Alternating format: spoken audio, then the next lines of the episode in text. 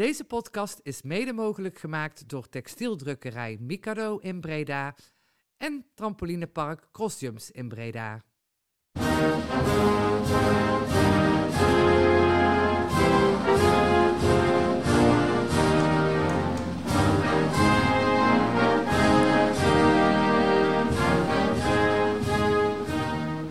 Ladies and gentlemen, welcome to the next podcast of the B-Side Reds. A little ticky to the south. Uh, episode 90. Ja jongens, wordt dit ons uh, voorland. We gaan het natuurlijk straks uh, uitgebreid, uitgebreid bespreken. Even een kleine kwinkslag naar het nieuws wat, wat deze week naar buiten kwam. Eigenlijk vandaag naar buiten kwam. Over een investeringsmaatschappij die NAC zou willen overnemen. maar we gaan ergens anders beginnen. En ik begin met de heren voor te stellen die bij mij in de studio zitten. En dat is Levine. Goedenavond. En Jelmer. Hi. ja heren, lekker weekendje achter de rug denk ik hè, met NAC. Ja, absoluut. Ik, uh, het was hard nodig. Het was echt hard nodig. Ik, uh, uh, het was echt zo'n wedstrijd van tevoren. Ik voelde me niet zo heel lekker, dus ik twijfelde in eerste instantie een beetje of ik zou gaan. Ik had zelfs tegen Ivo en Sven gezegd dat ik over zou slaan, maar ik zat op de bank thuis. Zelf een beetje bij elkaar geraapt. En ik dacht, ja, weet je wel, dit, ik, dit is typisch zo'n avond waarop het gebeurt. En op het moment dat je die dan mist, dan baal ik daar ongelooflijk van. Dus ik heb een keer goed gepoept. En ben toch naar de stad gegaan. uh, en ik heb, ik heb geen spijt gekregen. Het was, uh, het was een echte, het was een echte, echte uh, klassieke avondje nak. Ja, met, al, met alles erop en eraan eigenlijk. Hè? Want laten we gelijk naar het, naar het begin gaan. allereerst natuurlijk het, het megadoek wat, wat van de tribune afrolt. Geweldig werk weer hè, door die mannen die hem, die hem hebben gemaakt. Ja, zeker. Het was, je hebt als supporter deze wedstrijd echt een statement gemaakt. Echt, een, echt laten zien van het maakt uiteindelijk... Het, is een beetje, het, lijkt soms een beetje een, een, een lege huls als je zegt clubliefde kent geen divisie. Hè? Eh, Veendam of Madrid, NAC en we're proud of it. Maar dit zijn de momenten waarop je laat zien dat het uh, wel degelijk iets betekent op het moment dat je dat zegt.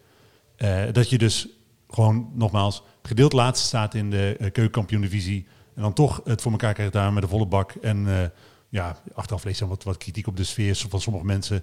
Uh, terwijl ik denk uh, dat je dit voor elkaar krijgt in deze omstandigheden is echt een groot compliment waard. En uh, dat compliment is vooral aan de locals en front gericht. Ja, want hoe heb jij dit ervaren, Jammer? Wij zaten natuurlijk samen op, op de perstribune. Wat gaat er door jou heen als je zo'n doek naar beneden ziet, ziet rollen? Nou ja, allereerst gewoon kippenvel. Ik, ehm, ik kan natuurlijk het mooiste zicht erop, omdat we zo heel dichtbij vanaf de zijkant eigenlijk konden zien. En daarnaast had ik gewoon het allereerste dat ik meteen weer dacht, dus ja, wij maken de club en wij zijn de club. En zonder ons was er al lang geen club meer. En ja, des te mooier dan dat ze op die manier uh, hun steun en liefde wederom betuigen. En ja, ik had gewoon echt kippenvel. Ja, daarna zie je natuurlijk dat, uh, dat een heel klein geel doekje nog blijft uh, hangen. Ik moet eerlijk zeggen, bij mij duurde het wel even voordat het balletje viel. Wat er nou precies gebeurde. Ik dacht in eerste instantie dat ze nog een doek hadden wat door de censuur heen was gekomen. Wat nog uitgerold zou worden. Waar ook misschien een duidelijke boodschap op zou, zou staan. Maar ineens na, na een minuut was iedereen omgekleed hè, onder het doek. En kregen we een ouderwetse Spiro. Ja, dat vond ik mooi. Dat, uh, dat is uiteindelijk toch, uh, uh, volgens mij, we hebben ook een fragment van Edwin de Graaf zo dadelijk. Maar ja, het mag dan niet, het, het, hoort niet, vuurwerk. Maar het is wel echt wat het afmaakt op zo'n moment. Ja, die fakkels, man. Ik, ik weet nog, een van mijn, echt van mijn mooiste NAC-herinneringen is die bekerwedstrijd NAC-Ajax.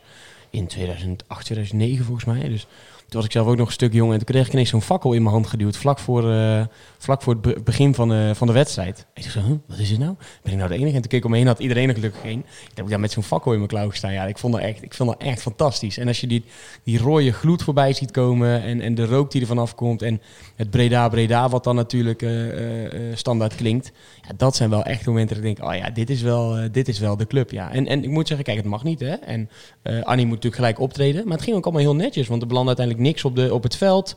Uh, de fakkels werden uiteindelijk volgens mij gewoon netjes opgeruimd. Dus dat is dan wel weer een compliment waard. Ja, je, je, weet natuurlijk, er gaat straks, de lees je ergens op teletext, als, als mensen überhaupt nog kijken, op internet laten dat. Hè, voor, ja. voor de jongere luisteraars op internet kijk je dan, zal er vast wel een berichtje staan dat de KNVB een onderzoek gestart is naar vuurwerk bij NAC. Maar dan denk ik, oké, okay, op het moment dat dat het geval is, zal er onherroepelijk een boete volgen. Nou, ook betalen met loco's, precies. collecteer een keertje extra. Ik tel daar met liefde wat extra geld voor de pot voor neer was ook echt mijn eerste gedachte. Ik denk, ja, als er nou een boete komt, dan moet je gewoon even een tikje sturen. En dan heb je hem ook zo betaald met z'n Ja, niet te moeilijk doen. Nee.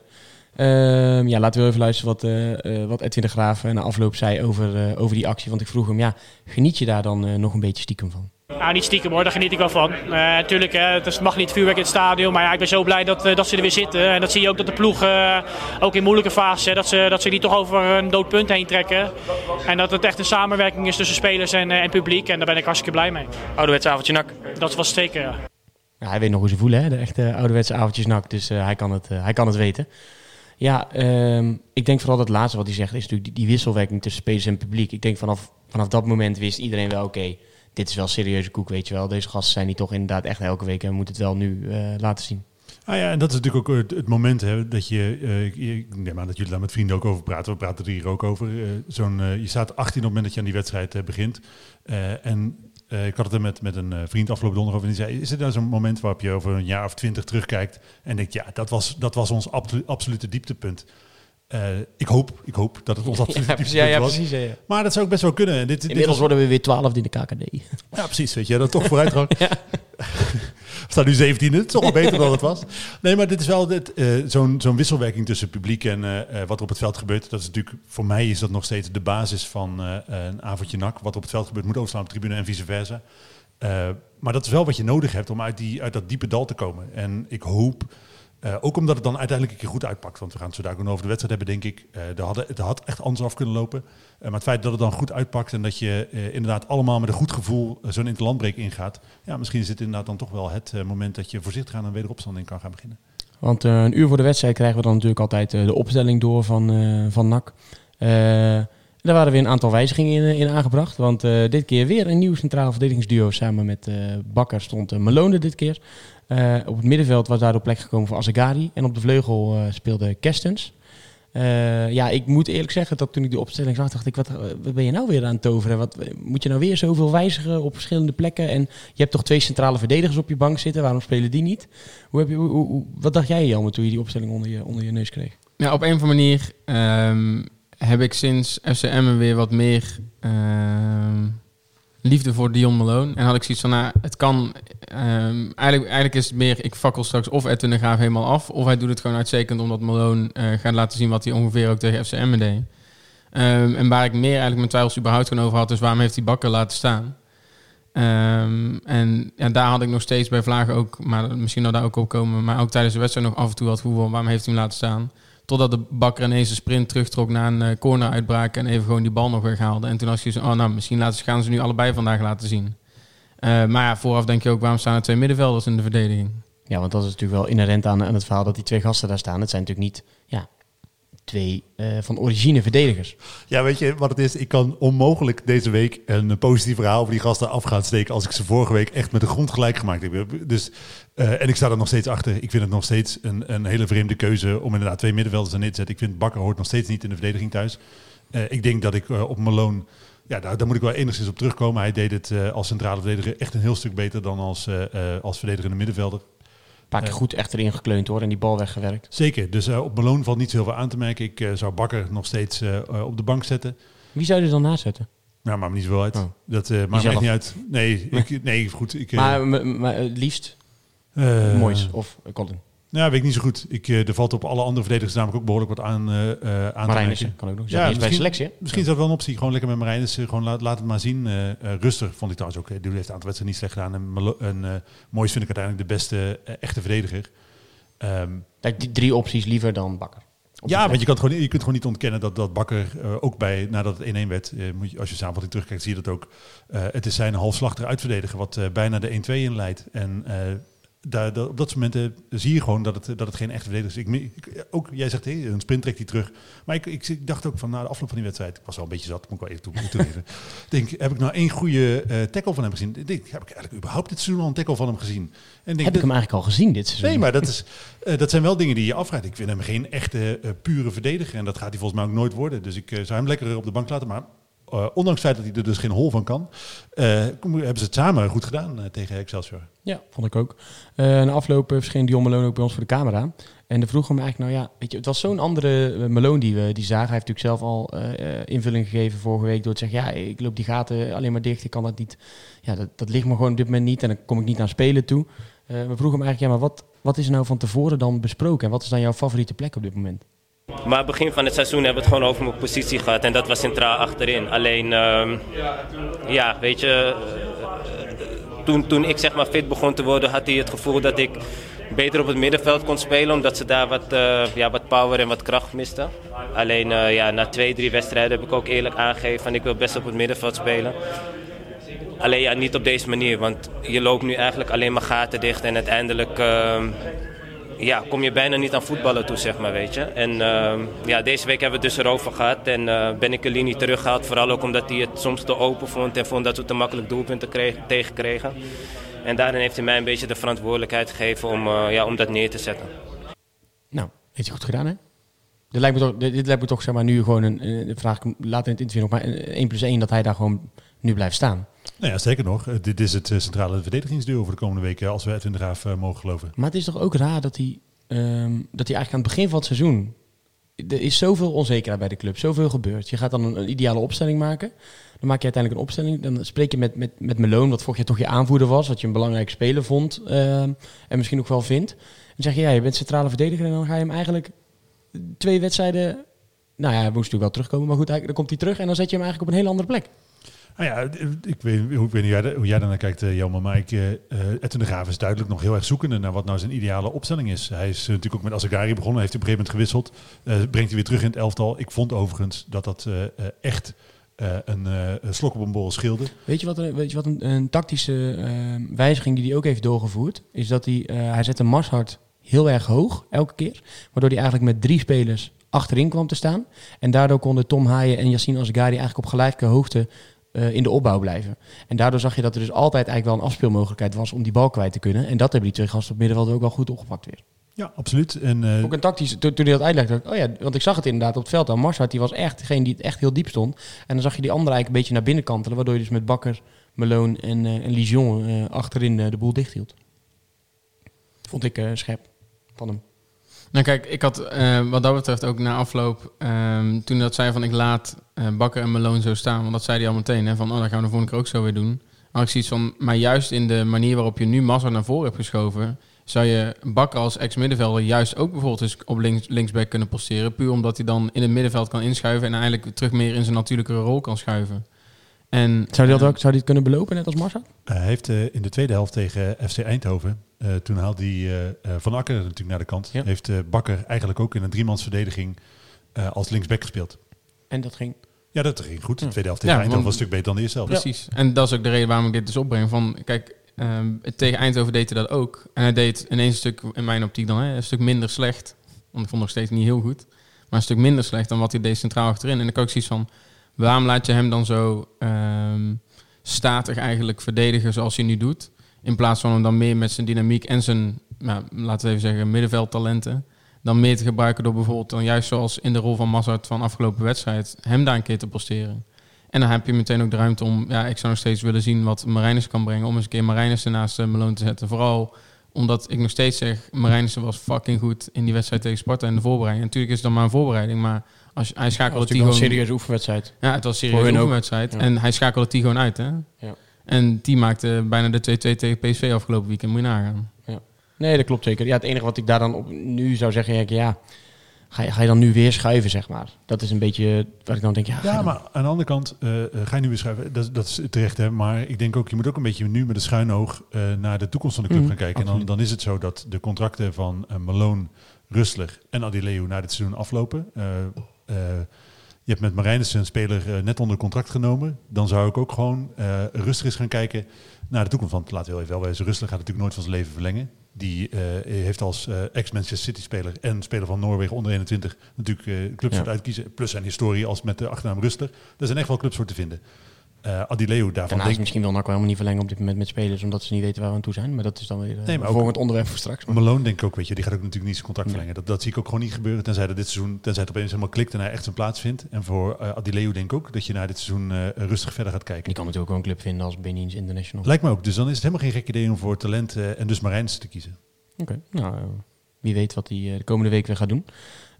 Ja, NAC speelt, vond ik in ieder geval echt wel een goede helft. Weinig aan de hand, geeft weinig weg. Eh, het enige wat je kan zeggen is dat hij zich vergeet, eh, vergeet te belonen. Eh, onder andere met Kerstens, die natuurlijk wel echt een goede kans kreeg. Eigenlijk wel net te veel naar de buitenkant weglegt en, en op de keeper schieten. Nou ja, en ik denk dat daar uiteindelijk toch een beetje ook de crux zit voor of het de komende periode structureel beter gaat of niet. NAC scoort natuurlijk gewoon heel moeilijk. En uiteindelijk win je weliswaar met 4-1, maar die uitslag was natuurlijk wel enigszins geflatteerd als je de wedstrijd zag. Ehm, dus ik, Ja, NAC, NAC heeft voorin nog steeds gewoon problemen. eh, met, met, je scoort heel moeilijk, je komt moeilijk tot, eh, tot kansen. En, en in de spits is het ook gewoon niet de plek voor Seuntjes. Hè. Dat merk ik in zo'n wedstrijd ook weer hoor. Die, Nee, moet, die werkt daar, die, de- je ziet gewoon dat hij daar zoveel harder moet werken om er iets goeds uit te halen dan wanneer hij op dat middenveld staat. Want daar vind ik hem zo sterk en zo goed.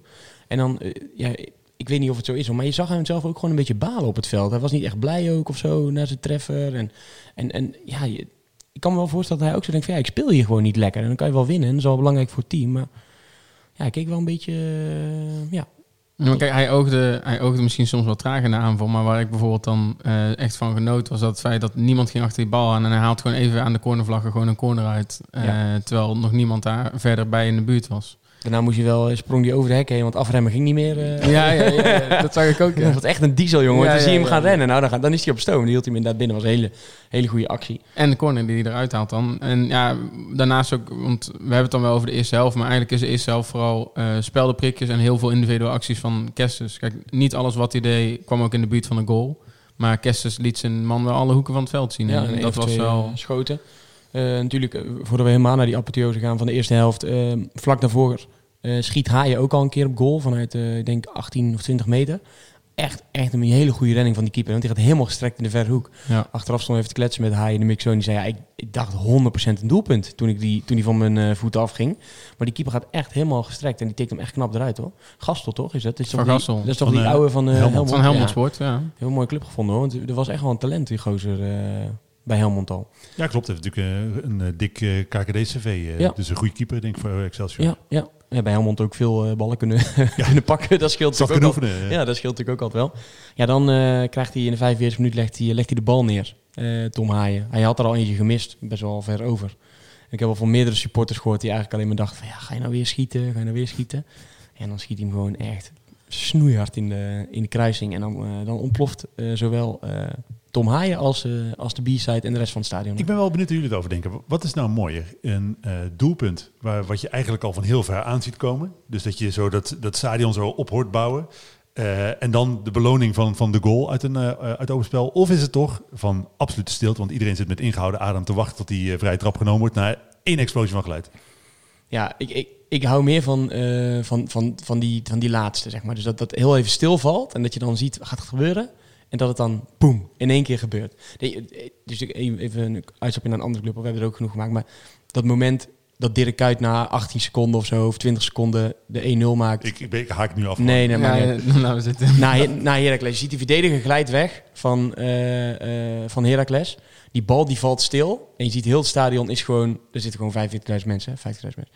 Helemaal stil. En in één keer ontploft het stadion. En je kunt me allemaal heel verbaasd aankijken. Maar het was wel een heel mooi moment dat jij... Oké, ik wil eigenlijk gewoon Sabah Verher tegen Feyenoord aanhalen. Ja, ook goed. Een eh, vrije trap. Eh, ja, goed. Dat, Nee, dat is ook goed. Nee, dat vind ik dan Ja, toch. maar wat ik eigenlijk in, in deze discussie nog mooier doelpunten vind... Mijn favoriete doelpunten zijn eigenlijk doelpunten van vleugelaanvallers. eh à la Koert Elschot die opstomen en dan besluiten... Volgens mij is het vandaag Ajax mijn dag 4-2. Precies. Volgens mij is vandaag mijn dag om, eh, om te gaan schieten. En dat je dan eigenlijk denkt, doe nou niet. En dan, zie, dan gaat die bal van die voet af. En dan denk je, ja, ja. En dat vind ik echt, dat zijn wel even een van mijn fa- favoriete, favoriete doelpunten. Oké, maar als we dan toch eh, heel even op dit onderwerp zijn. Wat is je all-time favoriete doelpunt wat je live gezien hebt? Eh, live als in, in het stadion. Ja, ja, Cyril Dessers tegen NEC. denk Oké, ik. oké, oké. Maar dat was wel weer door de explosie. Want het, misschien wel het, het vetste doelpunt was. eh, wel die van Elschot misschien tegen, tegen Ajax. Ja, oké, oké, oké. Daar moet ik echt heel even over nadenken. Dan kan de Vien vast antwoord geven. Voor mij Alfred Schreuder eh, tegen Ah, ja. eh, AZ. Ja, Het mooiste ja, doelpunt. jij bent al heel van de middenlijn of... Ja, man. Mooiste doelpunt dat ik ooit gezien heb. Ja, dat snap ik wel. Ja, dan misschien Philip, Cocu. Daar zat ik ook bij. Nee, nee, nee. nee. Philip Cocu, daar blijf ik echt bij. En dat De kan, keepersfout. Niet, precies, kan niemand Ja. me van afbrengen. Fout van ja. Fout van Schollen. Die had ik zelf gemaakt, jongen. Je had hem wel gepakt. Ja, precies. En dat is ook wel waar. Ehm, goed, we krijgen... weet, je, weet je inmiddels wat? Oh ja. Nee, ik, Oké, dan kom je straks maar op niet. terug, Ja, ik eh. kom nog We steeds niet. over nadenken. Eh, tweede helft dan. eh begint eigenlijk... ja, Slalom van Manu Garcia en 6-1 tegen Heracles. Oké, oké. Mooi ja, dat is ook mooi. Ja, Ja, ja, ja, daar kan ik bij thuis komen. Ehm, tweede helft eigenlijk wel wat matiger uit startblokken. En dan, ja, dan slaat de twijfel eh, overal weer toe eigenlijk. En zeker als je dan de 1-1 binnenkrijgt op de manier hoe je hem, eh, hoe je hem binnenkrijgt. Want daar gaat wel veel fout in de verdedigingen. Nou ja, en dat is het. Hè. Daar, eh eh, Malone stapt verkeerd uit. Li- Lijon staat met zijn arm omhoog voor buitenspel. En denkt dan ook, ja, ik heb nu aangegeven dat het buitenspel is. Nu hoef ik ook helemaal niks meer te doen. Die, waardoor zijn tegenstander gewoon bij hem wegloopt. Het gaat daar gewoon helemaal verkeerd in verdedigend opzicht. En ja, goed, weet je, dat is wel wat, wat NAC op dit moment is. Die verdedigende stabiliteit, die is er gewoon niet. Ondanks het feit dat je dus een helft echt goed doet. En eh, na de twee... En het ook al weer- beter ging verdedigen, maar dan toch heb je af en toe nog een moment wat, ja, wat er dan doorheen glipt. En Ja. iedereen ineens faalt eigenlijk. En ik denk dat... Behalve eh. Je, je, kunt daar, eh, je moet daar als trainer, denk ik, als Edwin de Graaf zijnde, echt heel veel tijd en aandacht aan besteden. Maar ik denk dat wat je ook gaat doen, dat je op dit niveau eh, dat soort momenten er niet helemaal uit gaat krijgen. Dus ik denk dat je beter kunt focussen op gewoon heel veel doelpunten maken. Eens. Zeker. Nou, kijk, ik wil dan toch wel even iets heel anders zeggen. Namelijk, en dat was vanaf de perstribune hoe het zichtbaar. En ik tikte ook een paar keer Thijs zelfs daarvoor aan. Ehm, je merkt heel erg dat ze eh, niet op één lijn liepen. En vooral ook met de buitenspelval ging het volledig fout een aantal keer. Want keer stond dan eh, ofwel Bakker of Malone stond ver naar achter. Maar vooral ook wat Malone moest doen, was die stond hele tijd te kijken naar allebei de backs of die die moest aansturen. Ja, dan wel nee. En dat kan eigenlijk gewoon niet. Zeker niet met de ervaring van Lijon. Zeg maar, Massart, ja, eh, dat, dat, op een of andere manier kan nog wel puur omdat ik hem dan nog steeds jeugdig vind. Maar wat, wat Lijon deed, kijk, eh, Malone stond echt gewoon, ik denk een keer of zes heb ik hem echt zien staan van jongens, kom met z'n allen één lijn, één lijn, één lijn. En ja, ik denk dat dat al een begin is waar het gewoon fout gaat. Want je moet veel meer organisatie hebben in je verdediging. Nou ja, je Daarom is hij daar natuurlijk ook wel neergezet. Om dat neer te zetten. Dus als het er van al die wedstrijden heeft eh, ontbroken. Ja, dan moet, je dat, dan moet je dat nu wel heel erg coachen. Daarom is hij daar natuurlijk wel weggezet. Ja, maar Lijon is 30. Ja, maar Ja, je, noemt, je noemt Lijon nu. Veel talent ik vind eh, aanvallend zie ik echt wel zijn meerwaarde. Mhm. Maar verdedigend vind ik hem echt ondermaats eh, vooralsnog. Ja. Ik zie een nieuwe schouten. Iemand die weer mee heel mooi naar voren kan. En eigenlijk liever op middenveld zie dan dat ik hem eh, als rechtsback zie. Want ah, ik heb het gewoon nog niet gezien. Nee, nee, tot nu toe nog niet. Ik vond hem, ik vond hem de Laks, eerste helft. woord. Ik vind eh, hem echt laks ogen. Lakse Lijon. De, Ja, ik ben er wel mee eens. De eerste 20 minuten tegen Emmen vond ik hem wel goed. Maar ja, toen viel hij op zijn hoofd. Toen kon hij de wedstrijd niet afmaken. Dat, eh, ja, maar dat is wel. Toen vond ik hem echt heel goed. En had hij ook al een paar keer die eh, goede verdedigende acties. En dacht ik, oh, oké, nou, hier ben ik wel echt blij mee. En toen, ja, toen is hij op zijn hoofd gevallen. En, en daarna valt de wedstrijd tegen. Staat los van elkaar. Maar ehm, dat, dan is dat wel, wel jammer. En inderdaad, dat hij, dat hij niet meeloopt met die aanvallen, dat, dat kan natuurlijk niet. Dat is natuurlijk echt, die gozer dat helemaal vrij. Hij stopt gewoon. Hij Ja, stopt maar gewoon. dan word je toch gewoon gek als, als keeper zijnde, man. Dan pak je Dat- zo'n dat, bal nog zag je eruit. ook, ja, dat- Zo. ja, ze waren allemaal kwaad, hè. De haai kwaad, Olij kwaad, iedereen kwaad.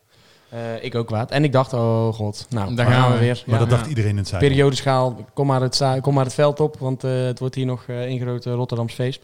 Maar ook zes of zeven minuten na die goal hè, is het zeven minuten lang dat Excelsior heel even echt naar de NAC-goal, nou, ik noem maar even, toegolft. Dat ze echt met z'n allen massaal komen. En ze krijgen alleen niet, niet heel veel de 16 in, want heel vaak wordt randje 16 met best wel veel nog weggehaald. Ja, dan gaan we een goede kans. Ja, nou goed, inderdaad. Maar wat ik vooral dan ook wel dan weer zag, en dat vond ik heel mooi, was dat Azagari zag ik sprinten trekken die ik hem ook een tijden niet had zien trekken. En op een gegeven moment twee keer ging hij vol voor de bal. Hij heeft één keer een bal tegen de, zijn achterhoofd geloof ik aangehad in een blok. Maar toen had ik wel zoiets kijk, dit is wel wat ik wel wil zien van Azagari. Ja, dat weet hij zelf ook. Hij heeft vandaag in een interview met Ben Stem ook aangegeven dat het echt gewoon geen goede periode heeft gehad de afgelopen, afgelopen weken. Daarom is het misschien wel goed, eh, en eh, ik, ik, moet, ik, weet niet of, of de Graaf dat bewust gedaan heeft, maar als hij hem be- bewust inderdaad even naar de op de bank gezet heeft, even een reality check, nou, nou, als het geholpen heeft. Ik hoop het wel, want ik hoop echt nog steeds dat Azagari eh, doorbreekt. Ja. Maar eh, ja, goed, hij heeft het eh, nu tegen Excelsior goed gedaan, dus we hopen dat hij deze lijn vast kan houden. Precies, je, hoeft in ieder geval, je hoeft hem in ieder geval niet weg te halen daar nu. want ik vind het jammer dat er nu een interlandbreek is, want eh, ik heb zoiets, nou, nou zit je misschien net in die positieve golf. Dat kan. Ja, maar aan de andere kant, twee weken een goed gevoel is ook wel eens lekker. Ja, het was, dat was wel sowieso heel belangrijk dat je hem nu wint. Hè? Want anders was je echt wel gewoon twee weken lang eh, was paniek geweest, toch? En dat is het ook wel een beetje. Maar Nee, en dan was er ook denk ik niet heel veel club meer geweest om te verkopen. Nee, Dan was het gewoon afgebroken. Eh, volgens eh, komen we eigenlijk via een, een goede counter. En dan via Antonia, zullen we maar even zeggen. En de aanvoerder van Excelsior op, op 2-1. Eh volgens wordt er nog wat gewisseld. Eh, de Roy komt erin. Even, stop, heel even, sorry hoor, maar bij die 2-1, die paas met de buitenkant van Haaien, die ja, klopt. ook op Antonia echt een Ja. enorm goede paas. Ja. Hè? Sorry Ja. dat ik onderbrak, maar nee, ja, gelijk. even- je- nee, klopt. Dat moet ik ook even benoemen. Maar ja, Ja. die jongen doet elke week. Dat ik denk, moet ik dit elke week benoemen? Ja, ga ik het ook doen. Ja, Ja, ja. gaan we het ook doen. Ja, dat klopt. Maar die gast, ja, ik vind, ja, ik vind het heel bizar. Ehm, dus Antonia, nou ja, er komen nog een paar spelers in. Van Schuppen komt erin. Eh, de Roy komt erin. Nou, lekker was trainer. De ene geeft twee assists, de ander maakt een doelpuntje.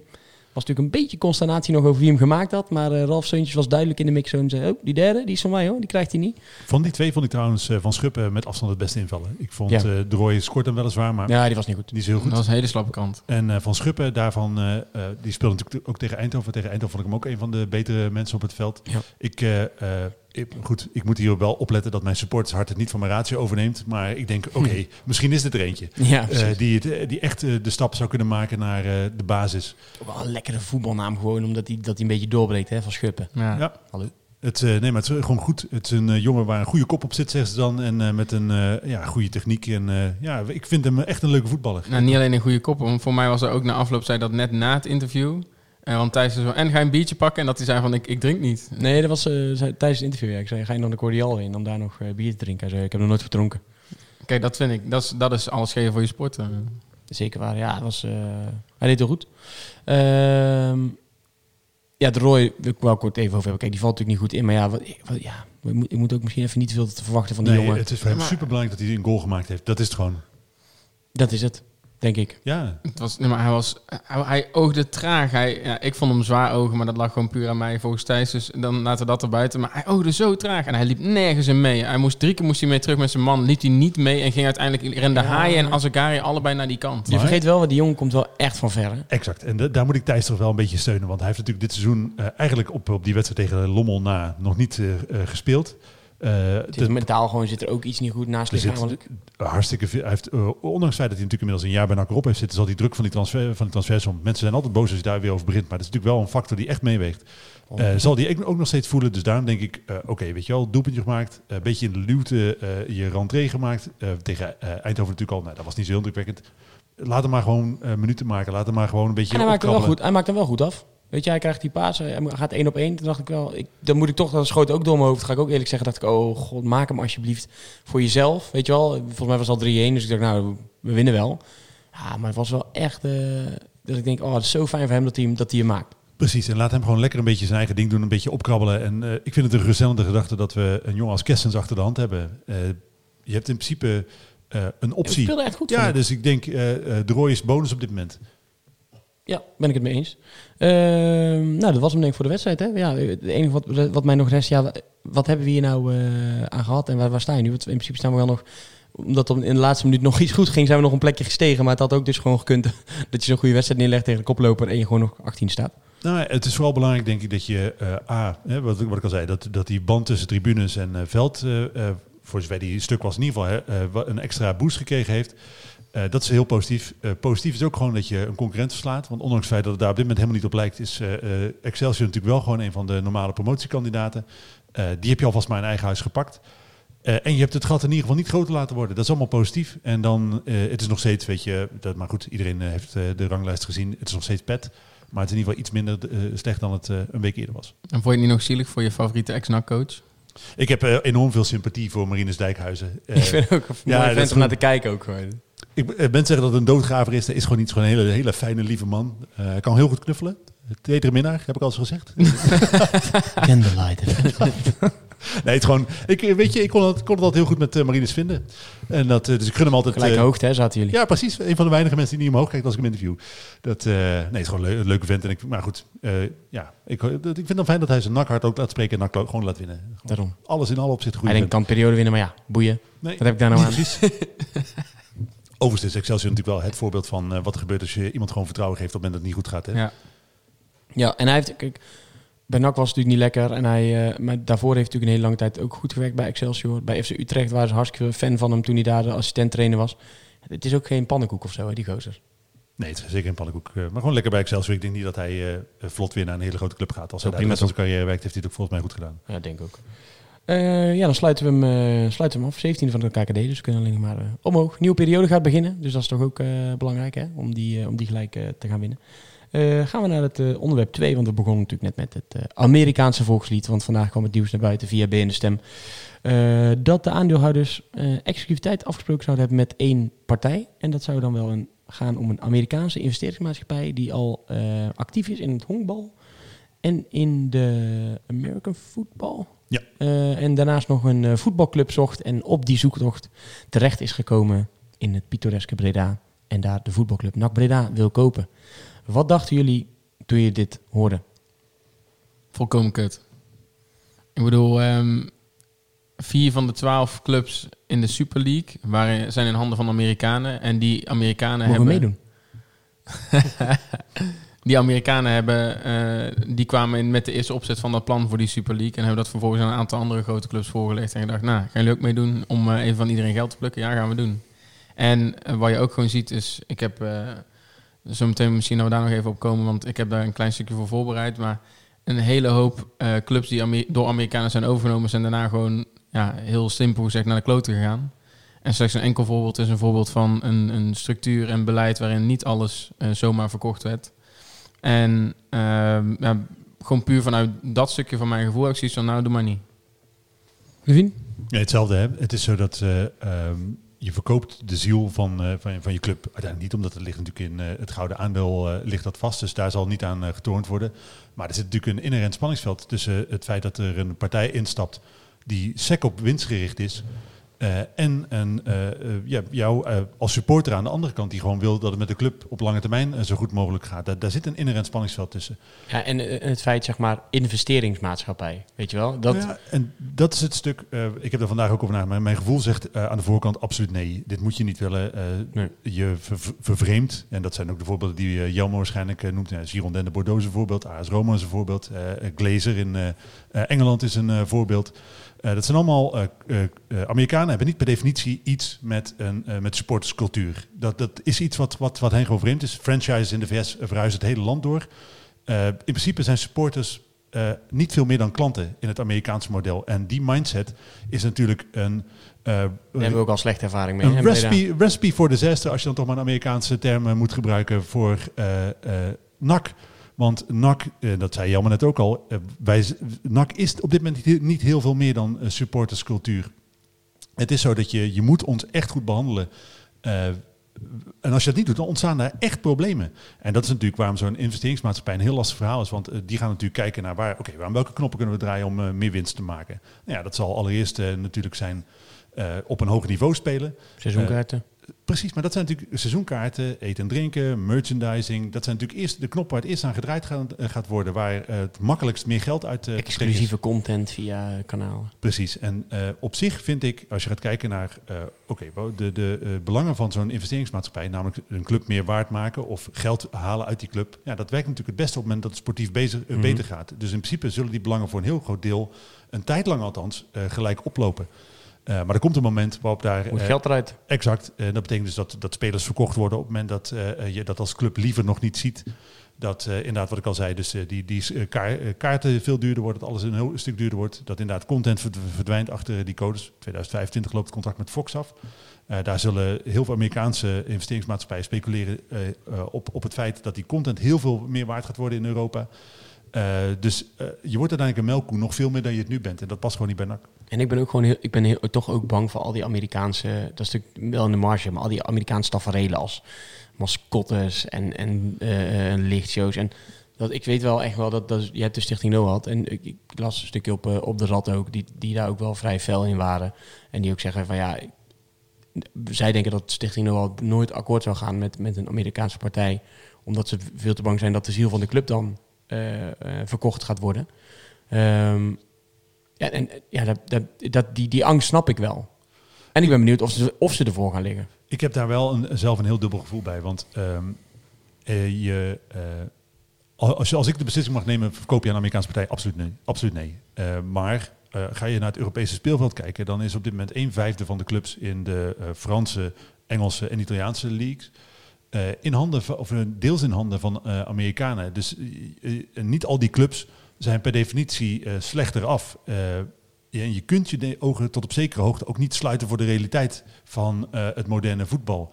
Ondanks het feit dat ik daar zelf heel veel problemen heb. Ik heb ook altijd gezegd, op het moment dat Manchester City NAC overneemt, dan, dan zeg ik mijn seizoenkaart op. Dan is voor mij, de, dan, is, Mhm. dan is het klaar. Ja. Dan eh, is de ziel uit mijn club. En dat, met die Amerikanen zit je heel erg op het, op het absolute randje eh, van datzelfde gevoel. Dus ik wil Het ligt ook wat het plan is hè, en wat ze gaan doen. Maar ja, daar, daar ben je wel pas achter op het moment dat, het, dat de kogel door de kerk is. Daarom. Dus op het moment dat je andere keuzes hebt, zou ik nooit voor Amerikanen kiezen. Maar eh, uiteindelijk denk ik dat je moet je ook gewoon zo reëel zijn. hè, En, eh, er zijn kijken- wel andere keuzes. de- nou ja, je moet uiteindelijk wel kijken naar wat het beste plan is. En eh, dat is natuurlijk ook een lastig verhaal. Ik weet niet hoe, jullie- hoe jullie erover denken, maar eh, plannen op papier zijn altijd mooier dan de uitwerking in de realiteit. Dus je kunt, je kunt op voorhand niet supergoed eh eh voelen hoe Eén dat... of twee lijken uit de kast komen, bij wijze van spreken. En, eh, Nou ja, het, het ultieme voorbeeld is natuurlijk hè, die rare Chinees in eh, Den Haag, die is gewoon zijn rekening niet betaalde. Die, die op een gegeven moment besloten dat het eigenlijk wel genoeg was geweest. Dus die Ja. deed het niet meer. Nou, dan zei je club meteen... die nou, zijn nu in de overname bezig. En als, volgens mij moeten binnen twee dagen 2 miljoen op tafel zijn. En dan eh, is de rechtszaak voorkomen. hè, En anders 7 zijn ze oktober, toch? 7 Ja. oktober. En dat is natuurlijk met investeringsmaatschappijen. Die hebben inderdaad, die kijken gewoon sec naar eh, of het ze nog geld oplevert of niet. Als het niet zo is, ja, dan laten ze de club vallen. Maar voor, we hebben, ze hebben zo'n nieuwe club gekocht. Ja. Dus voor de lange termijn is het gewoon niet goed. Eh, maar ik denk dat er eh, op dit moment, vanuit, als je het sec vanuit sportief oogpunt bekijkt, dan valt er best wel iets te zeggen voor een partij die veel geld in NAC gaat stoppen. Ik had alleen liever gezien dat het de andere was. En, en laten we even naar het lijstje gaan, Jan. want Je had een aantal clubs die... Nou, kijk, ik had niet alleen een aantal clubs, ik had ook bij iedere club een klein verhaaltje. Kijk, als je bijvoorbeeld kijkt naar Liverpool. Liverpool werd in 2005 al overgenomen door Amerikaan en die wist op dat moment helemaal niks van voetbal. Die kwam daar en zag vooral eh, een hele hoop trouwe klanten en had zoiets van, nou dan gaan we de kaartje wat verhogen, wat ook gebeurt zou zijn, maar de kaartje wat verhogen en eh, zorgen dat we hier gewoon meer geld uithalen. En ehm, uiteindelijk heeft hij door de jaren heen langzaamaan wel wat meer geïnvesteerd. En kan je dan misschien zeggen eh, dat het nu ertoe geleid heeft dat dan Liverpool twee jaar geleden de titel won. Maar tegelijkertijd gebiedt de realiteit wel te zeggen dat hij eh, een hele tijd ook alleen maar het meer uitkneept dan dat hij er werkelijk geld in stopte.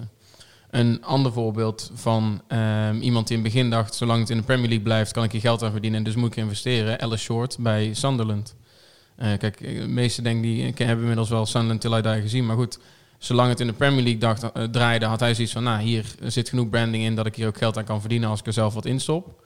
Maar op een gegeven moment, toen, het, toen ze eenmaal afdaalden, trok hij meteen zijn handen terug, stopte hij meteen mee investeren. En had hij zoiets van, nou, ik eh, laat de club nog een jaar draaien en kijken of het zonder geld ook kan. En anders dan ben ik gewoon weg. Nee, lukte niet.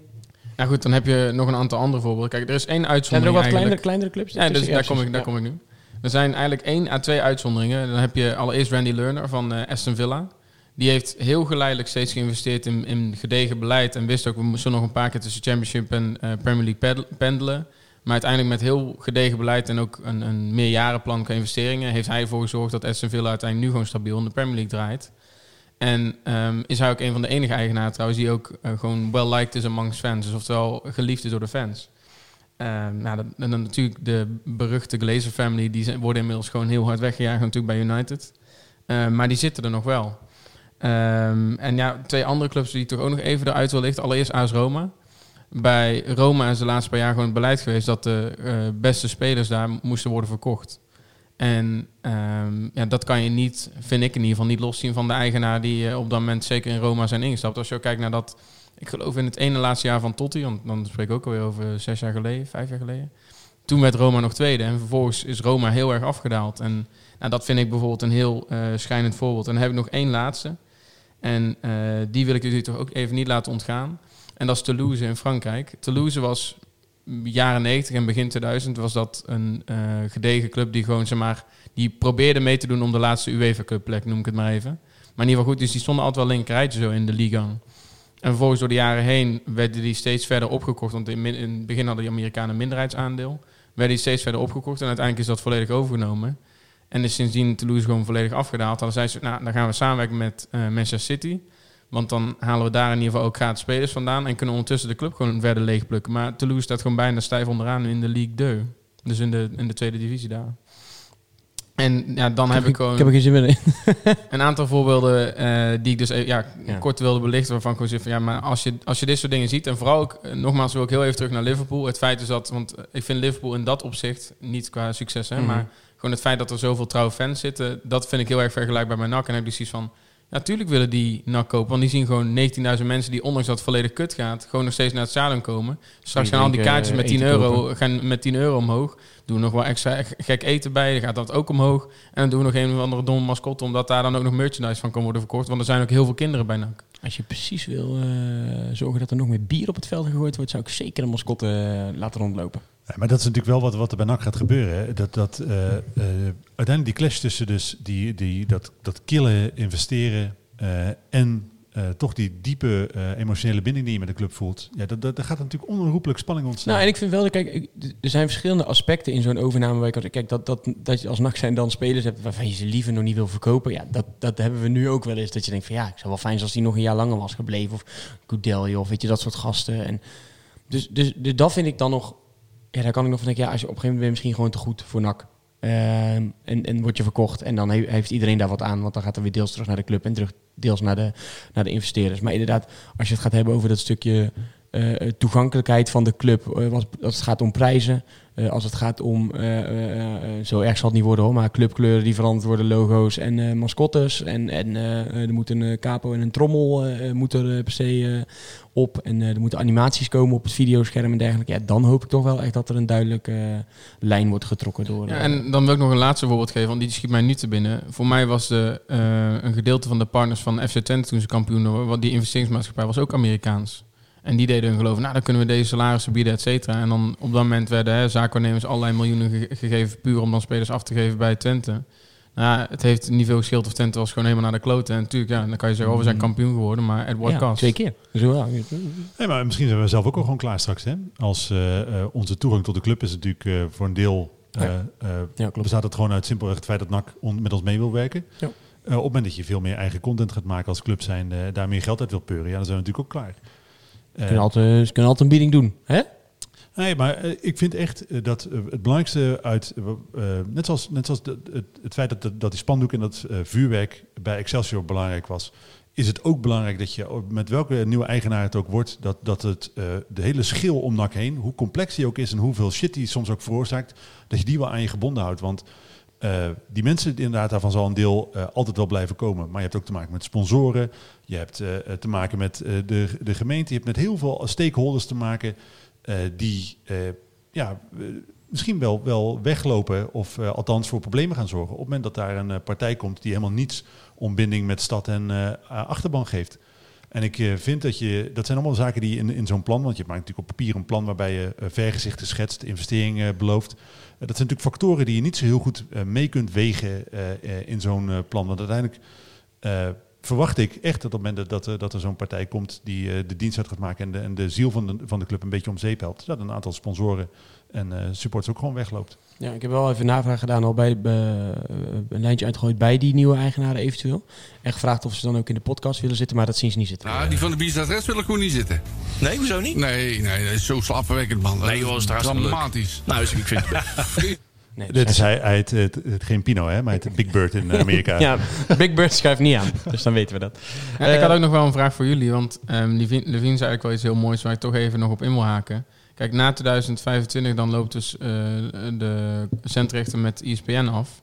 En de vraag is, en dat is dan dus ook een beetje de vraag die ik aan jullie stel, vrees u dan niet dat als het Amerikaan wordt, dat hij het achter een eigen kanaal of een ander kanaal gooit? Want om een voorbeeld te geven, zowel het darts als Formule 1 zijn van de Nederlandse tv na volgend jaar, die gaan naar een Zweedse ding via Play, waar gewoon drie keer zoveel geld voor is neergeteld. Ik hè? betaal nu, ik betaal nu eh ESPN en dan kan ik het niet altijd zien. Dus eh, als, als ik dan bij mijn seizoenkaart voor de, voor de tientje in de maand kan zorgen dat ik al die wedstrijden van NAC kan zien. En dan kan ik zelf nog wel kiezen of ik, eh, of ik de rest van die wedstrijden ga kijken. Ja, dan vind ik dat niet eens, niet eens heel raar. Maar goed. ik denk dat het ook heel erg past bij een ontwikkeling die sowieso ingezet is. Hè. Mensen zijn heel erg gewend om eh, eh, steeds meer abonnementen te nemen voor specifieke content. Ik zou denk ik zelf niet super veel problemen hebben met, als ik de zekerheid heb inderdaad, dat ik Nou wedstrijden dat, kan zien. ik bedoel, nu, heb ik, nu betaal ik het ook. En eh, nu, kan ik, nu zit ik het schakelkanaal niet En of ik nou aan, eh, aan Disney en eh Co betaal of dat ik het aan een rijke investeringsmaatschappij betaal, dat maakt natuurlijk ook geen hol uit. Zou je een docu willen? Zo'n eh, Disney Plus, eh, Netflix eh, Ja, docu over NAC? Volgens had er nog een paar jaar geleden nog een, NAC-docu toen gemaakt. Ja, met Sjoerd. Maar Nee, de laatste jaren van Terouwlaar ook. Oh ja, maar er waren gewoon die Fox docs, zeg maar. Dat was niet eh, doorlopend. eh. Zou, je dat, zou je dat vinden? Een eh, documentaire over NAC? Ja, maar zo'n doorlopende over heel het seizoen. Zo echt zo'n in de kleedkamer, bij eh, eh, zo'n Sunderland en bij, eh, Ja, voor, ik, ik ben misschien, ja, dat vind ik op zich wel leuk, maar ik heb liever dat ze gewoon winnen.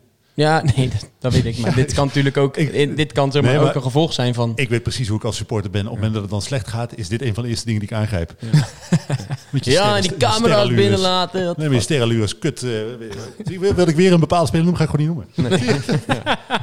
Helemaal goed. Eh, ik denk dat we nu dit onderwerp kunnen parkeren. Want ja, het wordt afwachten. Ik verwacht dus dat daar wel snel weer nieuws naar buiten komt. Als dit nu al naar buiten komt, dan, dan ben je wel al serieus gesprek. Maar stemming hier aan tafel, liever niet toch? Liever niet. Nee, ja, liever niet. Nee. Ik hoop echt nog dat via een uh, slinks uh, truc uh, project uh, 76 076 binnengeloodst wordt. Ja, en, en misschien denken we daar te romantisch over. Dat, dat kan ook, hè? Maar, maar ik, ik, ik, ik heb daar wel vertrouwen in. Maar ja, ja. Nou ja, ik hoop nog op een Bredaanse Frans van Zeumeren. We, we, we hebben het, we hebben het al vaak over gehad, maar ik zal nog één keer zeggen. Uh, als je het nou hebt over wat nou... Uh, we hebben het uh, afgelopen zaterdag allemaal, of afgelopen vrijdag allemaal ervaren. Zaterdag heb ik trouwens ook ervaren, de kaarten die ik had. Dat was ook niet kinderachtig. Maar afgelopen vrijdag allemaal, allemaal ervaren wat, wat, wat die club nou eigenlijk in essentie is. En dat is... Supporters. Ja, maar supporters... Mensen die een warm hart toedragen. Maar mensen die ook echt, echt binding voelen met wat er op het veld gebeurt. En uh, Eh, daarom denk ik dat zo'n project 076, o- ondanks dat er heel veel details en i- invulling van het plan, daar kun je vast van alles op aanmerken. Maar in, in de kern eh, is dat veel meer wat NAC is. Daar zit namelijk alles en iedereen is aan verbonden. En- en- Supporters, met ja. een klein bedrijf, grootzakelijk. Alles zit daar eh, in, in verpakt. En dan de vorm is misschien niet de juiste, maar het idee erachter vind ik echt veel meer bij eh, een NAC passen dan een uh, rijke investeringsmaatschappij. En dat is een beetje wat je zegt. Ook, kijk, bij die investeringsmaatschappij is het ook wel zeg maar, het doel eh, dat het goed gaat met de club. Want dan heeft de investeringsmaatschappij eraan. Maar uiteindelijk moet het eruit. Het geld. Of de winst of wat dan ook. Het is geen eigenaar net zoals die van Leicester City die dat mooi vindt en die daarvan geniet. Het geld moet, moet terugverdiend worden. Ja, en bij zo'n ons, eh, ons NAC is het gewoon... Het moet best voor de club zijn. Houden we geld over, terug in de club. We kunnen we spelen verkopen, heel veel geld. Prima, hebben we meer geld in de club. En dat is denk ik het, het, het grootste verschil tussen Amerikaanse investeringsmaatschappij of mensen die het beste voor hebben met de club. En of dat dan ons NAC is, of inderdaad nog toch een Breda's van Seumer, of weet ik het wat, die natuurlijk een beetje met Karel Vrolijk in ons NAC eh, eh, onderdeel maakt. Maar dat is denk ik de essentie van het, van het, eh, van het geheel. Moet er, moet er nog geld uit ooit, of hoeft dat niet? En ik denk, als, je, als, als club heb je niet heel vaak de mogelijkheid om een hele fundamentele keuze voor je eigen toekomst te maken. Die, die mogelijkheden zijn heel, heel, heel spaarzaam. En je hebt, op, een, op een, een kruispunt en je kunt nu kiezen voor ofwel de club teruggeven aan de stad, eh, ofwel eigenlijk eh, voor altijd verkopen. En ik vind dat je dan altijd moet kiezen voor eh, waar, je als club echt op, wat, wat nou echt je essentie is. En ik vind dat is binding met de stad, binding met de supporters, de club eigenlijk van iedereen. En ik ben heel bang dat op het moment dat je nu die Amerikaanse investeringsroute kiest, dat er nooit meer een weg terug is. Echt nooit meer een weg terug. Dat het dan van eigen Nou, ik vraag me ook af hoe een andere teams eh, op dit moment het doen. Zeg maar die, dat honkbal- en basketbalteam, dat ze dan eigenaar van zijn. want- Kunnen we pas zo pas weten als we weten wie het ja, is natuurlijk. dan is dat te laat, hè? Ja. Maar op dit moment voelt het alsof je gewoon de Graham Rutjes van eh, de eigenaren binnenhaalt. Want ze komen vanuit de andere franchise even ja, naar het lokale Breda. We gaan het zien. We gaan hem voor nu eh, parkeren, want anders loopt het helemaal gierend uit de klauw hier. Eh, en we hebben nog genoeg te bespreken, want eh, plotseling was daar ineens een kwartier durend interview met niemand minder dan algemeen directeur Matthijs Manders op het clubkanaal van NAC. En eh, dat vind ik gelijk eh, het belangrijkste puntje, of het eerste puntje in ieder geval om even te bespreken. Zeker niet het belangrijkste, maar wat vonden jullie van de keuze voor het clubkanaal? Want ja, we zitten een week voor eh, ehm, de forumavond waar hij aan zou schuiven. Nou, bij de dingen was hij, was hij ziek bij de Business Club. Eh forumavond volgende week. Wij hebben hem al meermaals uitgenodigd. Ik kan me niet eh, aan de veronderstelling eh, eh, wegtrekken dat, dat andere podcasts dat ook hebben gedaan. En dan kies je voor het clubkanaal om eh 15 minuten lang ja, monoloog eigenlijk op, te, op te steken. Wat vonden jullie daarvan? Nou, ik denk dat vooral begint met dat je dan minder kritische vragen kan verwachten. En ik heb dan zoiets van, waarom ga je niet naar een ander medium dan je eigen medium? Want dan kan je ook laten zien dat je ook niet wegloopt van een keer een kritische vraag. Ja, ik denk daar hetzelfde over. Hè. Het is een beetje het, het, het- een soort dansende beer hè, die op zo'n eh, hete kolen steeds heter worden, de kolen steeds harder dansen. En dan op een gegeven moment denk je, ja, ik zal er iets moeten. Ik zal er iets moeten. Ik kan niet langer eh, stil blijven staan. eh, en dan ga je maar praten met het clubkanaal. Het is natuurlijk een.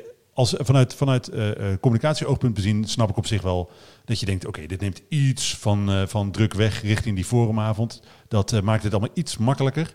Laten we dit maar doen. Maar het is natuurlijk wel een laffe keuze. Dat, Ja. het is gewoon echt een laffe keuze. Het eerste stukje gaat dan voornamelijk over de kritiek die hij zelf krijgt en eh, kritiek op zijn persoon en over dat het druk aan het toenemen is. Nou ja, dat eerste stukje gaat er natuurlijk niet echt over. Hè? Want laten we Nee, oké, maar dat, dat, die indruk wordt in ieder geval wordt, wordt, wordt, wordt gewekt eh, met, met de vragen die daar gesteld worden. Maar ik wil eigenlijk naar het eerste fragmentje toe, want vervolgens krijgt hij dus de vraag van Alex, de persmanager, die het, eh, die het interview afneemt. Ja, dacht je niet, zoek het allemaal maar gewoon eventjes uit. En dat is het volgende fragment. Nou nee, dat zou te makkelijk zijn. Ik vind, eh, je hebt een verantwoordelijkheid en eh, wij horen bovenin mee te doen in deze competitie. We hebben de ambitie om te promoveren. Ik ben eindverantwoordelijk. Ik, eh, het is af en toe niet, niet leuk, het is vervelend zelfs. Hier dacht ik wel, bij dit stukje dacht ik, ja, heb je nooit gedacht, zoek het allemaal maar uit?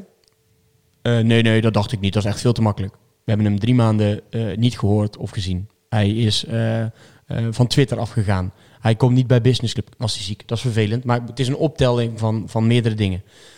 Dan denk ik, ja, volgens mij heb jij wel de afgelopen twee, drie maanden gedacht... Weet je wat jullie doen? Jullie zoeken het allemaal even uit. Wij gaan gewoon eh, intern eh, aan de slag. En eh, we, gaan, we gaan werken. Dan is dat toch precies eigenlijk zoek het maar even uit. Ja, en daarnaast ehm, helemaal in het begin zei hij, ja, ik ben van de transparantie en weet ik wat. En hield hij nog zijn open Twitter-uurtjes en weet ik wat. En ook dat, zeg maar, alle communicatie rondom zijn persoon verdween gewoon. En dan denk ik, wel, hoezo transparantie?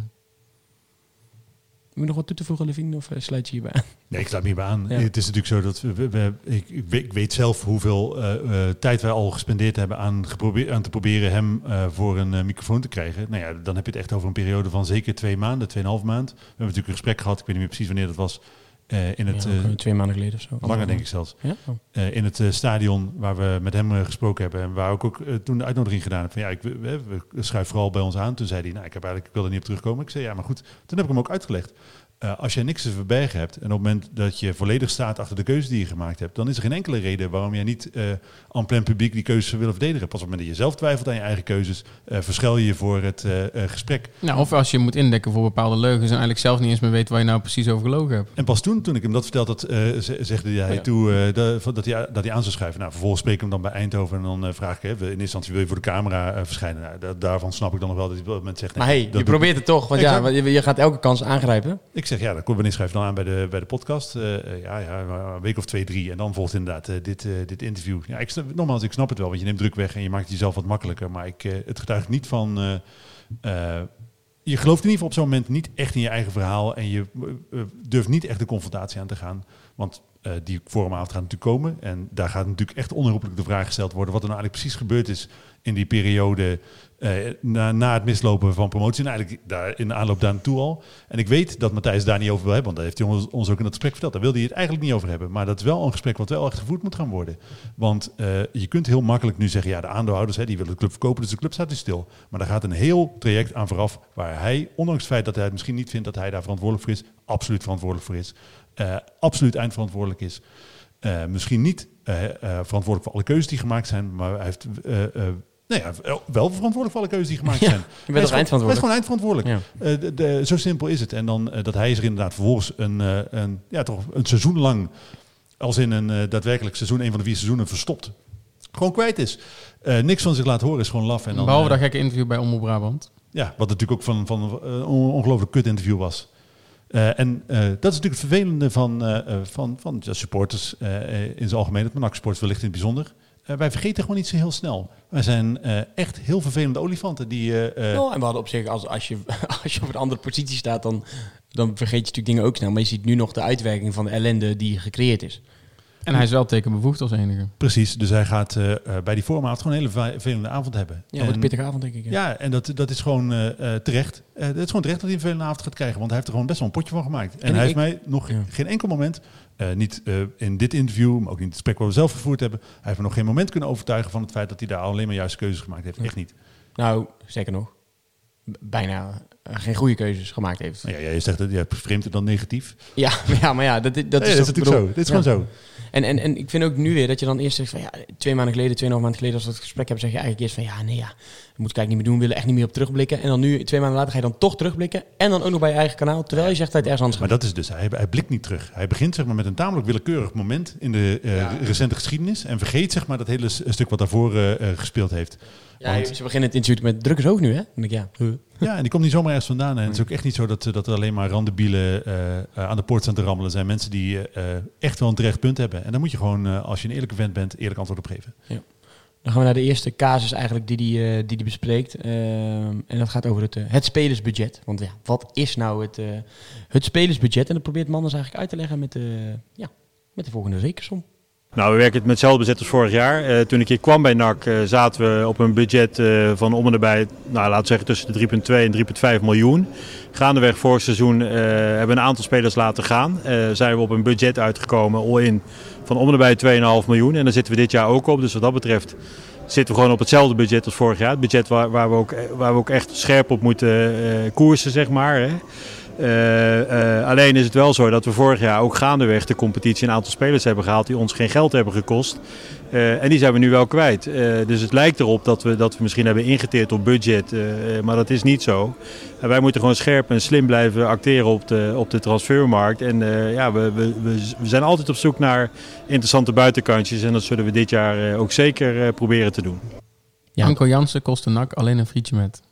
Ja, dat, dat, dat, dat, nou, dat geloof ik op zich nog. Maar, maar, maar Ik geloof er op niemand. eten, Nee. het eten en, en dergelijke, dat, dat, dat nee, maar nu we het toch over eten hebben. Dit is natuurlijk een typisch kleuterargument. Hè? Je eet als kleuter zijn een, een, een derde zak chips leeg. Gewoon je eet zeg maar een derde van de chips op. En dan zegt tegen je moeder, ja maar goed, dit is gewoon de hoeveel er in een zak chips zit. En dan als je een nieuwe zak chips koopt, dan zit er exact evenveel chips in als in deze zak. Dat is natuurlijk gewoon niet waar. Nee, want wat, wat, ik hier opvallend aan vind is... Kijk, op zich, als ik dan echt mee wil denken... en ik wil het dan nog goed proberen te praten, denk ik... Oké, ja, toen hij kwam was het spelersbudget 3,2, eh, 3,5 miljoen. Dat, dat kan, want het was het eerste jaar na de eh, KKD. Je hebt natuurlijk meer geld, te, eh, meer geld te besteden, meer tv-geld nog. Vervolgens zegt hij... ehm, gaandeweg het seizoen daarna... eh, zijn we, hebben we nog een aantal spelers weggedaan... en zijn we uitgekomen op 2,5 dan mist daar echt, als, als dit de uitleg is, dan mist daar zo'n cruciaal onderdeel. En dat is dat je zegt, we hebben het spelersbudget aan het begin van vorig seizoen op 2,5 miljoen gezet. Ja, 3,5 Daar is- miljoen. nee, Oh, ja, 2,5 2,5 ja, ja, ja. miljoen. Daar zitten we 6 ton boven en daarom moeten we spelers wegdoen, want anders krijgen we de begroting niet sluitend. En dan werk je, als je nu met 2,5 werkt, met hetzelfde budget. En dan heb je dus gaandeweg dat seizoen, door Dogan weg te doen, door Riera weg te doen, door Monsalve weg te doen, eh, eh, heb je kunnen eh, creëren dat je op het budget wat je had vastgesteld bent gaan werken. Alleen wat hij nu zegt is, ja, begin van het seizoen hadden we dus eh, 3,2, 3,5 miljoen. Ja, toen hebben ook allemaal spelers weggedaan. En halverwege zaten we op 2,5. En dat is nu ook ons budget. Dus we hebben hetzelfde. Nee, je hebt 7 ton wegbezuinigd. En eh, dat komt niet meer terug in het spelersbudget. Zeg dat dan? Nou, Maar gratis dat- tips. Maar dat is ook het stuk wat ik, wat, wat ik zo moeilijk te begrijpen vind. Ik denk, oké, er zijn, als je inderdaad gewoon vertelt, eh, we, we hadden eerst meer en dat is nou minder. Ja, goed, ik, had, ik heb dat. Ja. Ja, dat, is, dat is gewoon hoe het is. Het is niet meer geld. Het is Nee, gewoon niet meer geld. Dan denk dan is dat er ook gewoon klaar. Ik denk, waarom moet je zo'n zo'n on- ongelooflijk lastig verhaal met heen en weer vliegende bedragen en dan spelers die wel of niet weggaan en die wel of niet iets kosten. Ik kan gewoon zeggen, het was eerst veel en nu is het iets minder. Ja, we, denk, hebben aan het begin van vorig seizoen hebben we een begroting opgesteld. Daar staat op de begroting bij de minnetjes 2,5 voor salarissen en spelers, all inclusive. Nou, prima. Dan weten we dat. Maar ja, als je het niet communiceert, dan denkt iedereen, we hebben hetzelfde budget. Hm, dat was hetzelfde budget, Maar dat 3,5 is, natuurlijk het, he- dat is natuurlijk het hele punt van dit hele interview. Hè? En wat ook mijn, En dan mag je het ook nog zelf doen, dit interview. Ja, dat is ook zo. Maar dat is natuurlijk wel wat, wat, wat, wat het hele punt is. Is dat uiteindelijk neem je gewoon geen verantwoordelijkheid voor de dingen die er gebeurd zijn. Of de uitspraken die je gedaan hebt, waar die uit achteraf niet waar blijken te zijn. Nee, je moet de waarheid eh, zo met, met. De waarheid is een, is een, eh, een vierkantje. En je probeert het echt met man en macht in dat rondje te douwen. Maar dat past gewoon niet. En in plaats van dat je zegt, sorry, dit is inderdaad geen rondje, maar een vierkantje. eh, zeg je, het is Blijf echt wel een vierkantje. Het Ja. is godverdomme een vierkantje. En dat ga ik je laten zien ook. Dat is, het is gewoon echt. Het is Je zo- zit lekker in de kleutervergelijkingen. Dat is wel ja, maar het, er is ook toch niet heel veel meer van te maken dan dat het ja, gewoon ik ben het kleuterpraat is. ja, ik ben het ermee eens. Maar ja, ik, ik heb ook echt... Ik heb, ik heb, nou, zonder overdrijven niemand gehoord die dit interview gezien heeft die dacht... Oh ja, chill man. Nou weet, nou weet ik echt meer. En het is echt wel zo, en dat is, ik ben dan misschien heel onaardig voor Matthijs. En ik, dat, dat hoeft, wil ik in principe helemaal niet zijn. Hè. Dat, ik, ik wil eigenlijk gewoon tegen Matthijs zeggen: Matthijs, je doet gewoon ongelooflijk goed je best. En je, je, weet je, dus je hebt er gewoon een, een slechte hand ge- eh, gedeeld gekregen en je maakt er het meeste van. Ik vind echt, jou valt niet zo heel veel te wijten. Ik zeg daar veel liever dan je maakt er een puinhoop van. Eh, maar ik denk, dan, moet je, dan begint het wel echt met eh, eerlijk en transparant. Al die beloftes die je aan het begin van, van je carrière hebt gedaan, die daadwerkelijk inhoud geven. Eh, want de- op het moment dat je eerlijk en transparant bent en gewoon uitlegt dat er soms dingen anders lopen dan je verwacht en dat je dingen belooft die achteraf eh, eh, wat anders Ja. uit blijkt te werken, dan is het helemaal niet heel erg. En dan zal misschien ook nog wel kritiek zijn, maar wel op een andere manier. Precies. Kijk, wel. Kijk als, als, als, als, om even heel even bij het spelersbudget te blijven. Als je gewoon nu zegt, ja, sorry, ja, we hebben het, er is, is niet meer geld om, om spelers vast te leggen. Anders valt die club om. Zeker na zo'n jaar. Nou, we hebben dan ook nog 3 miljoen van Van Hekker gekregen. Dat is hier en hier aan besteed. Gaten gedicht. Dan denk ik, ja, oké, nou prima, dan moeten we het met 2,5 doen. Nou, knap dat je dan nog Assen kan weten halen voor eh, weinig geld, een half jaar. Dat die Anko Jansen dan voor een auto en eh Die twee 3,5 zakken miljoen eh, betaalt natuurlijk ook voor een deel nog steeds de hypotheek van uh, Maurice Stijn, denk ik. Hè? Ja, daarom. Nee, maar dat soort dingen ook. Ik bedoel, maar ja, daar ben je dan niet, niet, ja, niet open genoeg in. En dan valt zo'n interview alleen maar weer verkeerd, denk ik. Want dan ben je achteraf met je bezempje, ben je proberen nog een paar scherfjes weg, eh, weg te En vinden. dan denk ik, oké, weet je, dat je in een, eh, eh, dat er zullen mensen zijn die in een relatie af en toe een leugen vertellen, die eh, bij een baas af en toe eh, de wereld wat mooier voordoen komen dan die daadwerkelijk is. Maar ik denk, ben gelijk naar de wedstrijd naar huis gegaan, schatje. Dat was gewoon lang Precies. fietsen. en dat, ik weet niet precies wat er in mijn glas zat. Eh, ik ben zomaar dronken geworden. Dat zou, ik zou niet weten. dat dat, Ben je dronken? Ja, een paar biertjes, maar Nee, met jongens. ah, ik denk twee of zo. Maar ik denk, eh, dat is natuurlijk hè, dat, is- dat is één op één. Of dat, dat is een stuk makkelijker dan 25.000 mensen. Want uiteindelijk zijn dat eh, de mensen toch wel die zich druk maken om Ja. eh, NAC. eh, die ons op de mouw spelden. Daarvan gaat het echt niet lukken dat al die 25.000 mensen denken... Ah, Oké schatje, daar waren waarschijnlijk inderdaad twee biertjes. Ja. Dat is helemaal niet, dat is gewoon onzin. Dus dan, je kan uiteindelijk veel beter de waarheid vertellen dan mensen onzin verkopen. Beetje Ja, plus, ik denk, ehm, je, je kan, je kan het ook heel ehm, makkelijk eigenlijk uitleggen als je gewoon zegt van... Ik had vooraf dit bedacht. En dit had ik ook allemaal op die manier willen uitvoeren. Maar uiteindelijk door allerlei omstandigheden die we zijn tegengekomen, wat nou eenmaal gebeurt in het leven, zijn we uitgekomen op een lager. Je had gewoon heel simpel dat kunnen zeggen. En gewoon, ik maakte die belofte omdat ik op dat moment in die situatie overtuigd van was. Dat kunnen we ook allemaal waarmaken. Ja, helaas is het alleen niet zo gebleken. Het is nu alweer een beetje te laat om dat allemaal weer te gaan verantwoorden. Nu vind ik het weer te laat. Nu denk ik zitten kijken en ik, ja vriend, dit wisten wij drie maanden geleden al. Toen wilden we dat je het zei. En nou, zei- en, en nu nou kom je het zeggen. Maar dat is het stuk waarvan ik denk, eh, eh, zo moeilijk is het toch gewoon niet. Het is, eh, communiceren is uiteindelijk echt heel makkelijk. Je, eh, op het moment dat je gewoon eerlijk bent, ja, dan kunnen mensen boos op je worden. Maar dan heb je in ieder geval wel, eh, hoef je ook zelf niet te onthouden wat je nou gezegd hebt, want je vertelt gewoon de waarheid. Ja. Dus je, je, kunt al, je hoeft je leugens niet te onthouden. Dat is echt, het is allemaal zo heel moeilijk niet. En de meeste mensen, daar ben ik echt van overtuigd, ook naksports, ook boze naksports, schuimbekkende naksports, zijn uiteindelijk hele redelijke mensen. Die uiteindelijk wel gewoon naar eerlijk verhaal willen luisteren. Ja. Maar goed, weet je wat ook is, Thijs? Ik denk dat we straks bij het missen van de play-offs te horen krijgen. Ja, onze doeling, doelstelling dit jaar was om, dat we tien, om tiende te worden. Dat we dan pas de Achteraf, doelstelling eh, van NAC te horen krijgen. Gelukt. Ehm, voordat het eh, heel lang gaat worden, gaan we even snel naar het volgende onderwerp. Want in het interview gaat het ook over het aanstellen van eh commercial manager Erik Matthijssen. Eh, wat denk ik eh, door iedereen die een nakhart eh, eh, toedraagt, wordt toegejuicht. En er wordt eigenlijk ingezoomd, ja, is dat nou wel dan nu het juiste moment om mensen aan te gaan stellen op een vitale eh, positie in de club? Omdat je natuurlijk in een overnameproces bent. Eh, dan geeft hij eigenlijk een antwoord op, ja, nou, eh, je moet natuurlijk wel door als club, je moet inkomsten genereren. Eh, Erik Matthijssen is een, een, eh, kracht die we goed kunnen gebruiken. Hij kent de club. Eh, sponsoren waren altijd tevreden over hem, dus daar zijn we heel blij mee. En ja, daar hou je natuurlijk wel tegen het licht aan bij, eh, bij deze voordat je iemand aanstelt. Waarop dan, een goede vraag overigens van eh Alex, de vraag wordt gesteld, ja, maar waarom heb je dan geen eh, eh, technische man aangesteld? Want ja, die mis je toch ook en eh, die kan je dan toch ook aanstellen, dat is ook het beste voor de club. Nou ja, gewoon, we hebben met elkaar de afspraak gemaakt hè, met de lijn RVC aandeelhouders dat we eh, een, een functie van te- technisch directeur na het vertrek van Lokhoff. eh, eh, met de wetenschap dat er straks een nieuwe aandeelhouder komt, ja, dat we die plek gewoon niet kunnen invullen. Omdat we niet precies weten wat de sportieve verwachtingen en plannen zijn van een nieuwe aandeelhouder. En ja, we willen toch die, die, die ruimte openlaten en wachten tot, tot, die, ja, tot we weten uiteindelijk bij wie de aandelen terechtkomen. En dan samen op zoek naar, naar een definitieve invulling. Hoe, eh, hoe kijken jullie? Maar ik vind dit dus gewoon compleet onzin. Ik bedoel, je weet juist als algemeen directeur met welk budget je op dit moment werkt. Je kan een technisch manager ook tijdelijk aanstellen. Dan zeg je, nou, dan kom voor een half seizoenetje. Want dat half seizoenetje zal je er toch nog wel zitten. En wat ik daarnaast ook vind, is dan eh zeg je, ja, Lokhoff, na het vertrek van Lokhoff hadden besloten om dat dan maar even niet te doen. Maar uiteindelijk is hij toch de enige ook die tekenbevoegd is. Want toen Lokhoff werd aangenomen, mocht Lokhoff niet eens tekenen. Dus het maakt er niet uit als je dan een technisch manager aan zou nemen die dan zo denkt, nou, dat is een leuk talent. Want zelfs al zou hij hem willen, ja, dan kan de enige die dat uiteindelijk kan eh, autoriseren is Manders. Dus dan heb ik zoiets van, ja, waarom zeg je dit?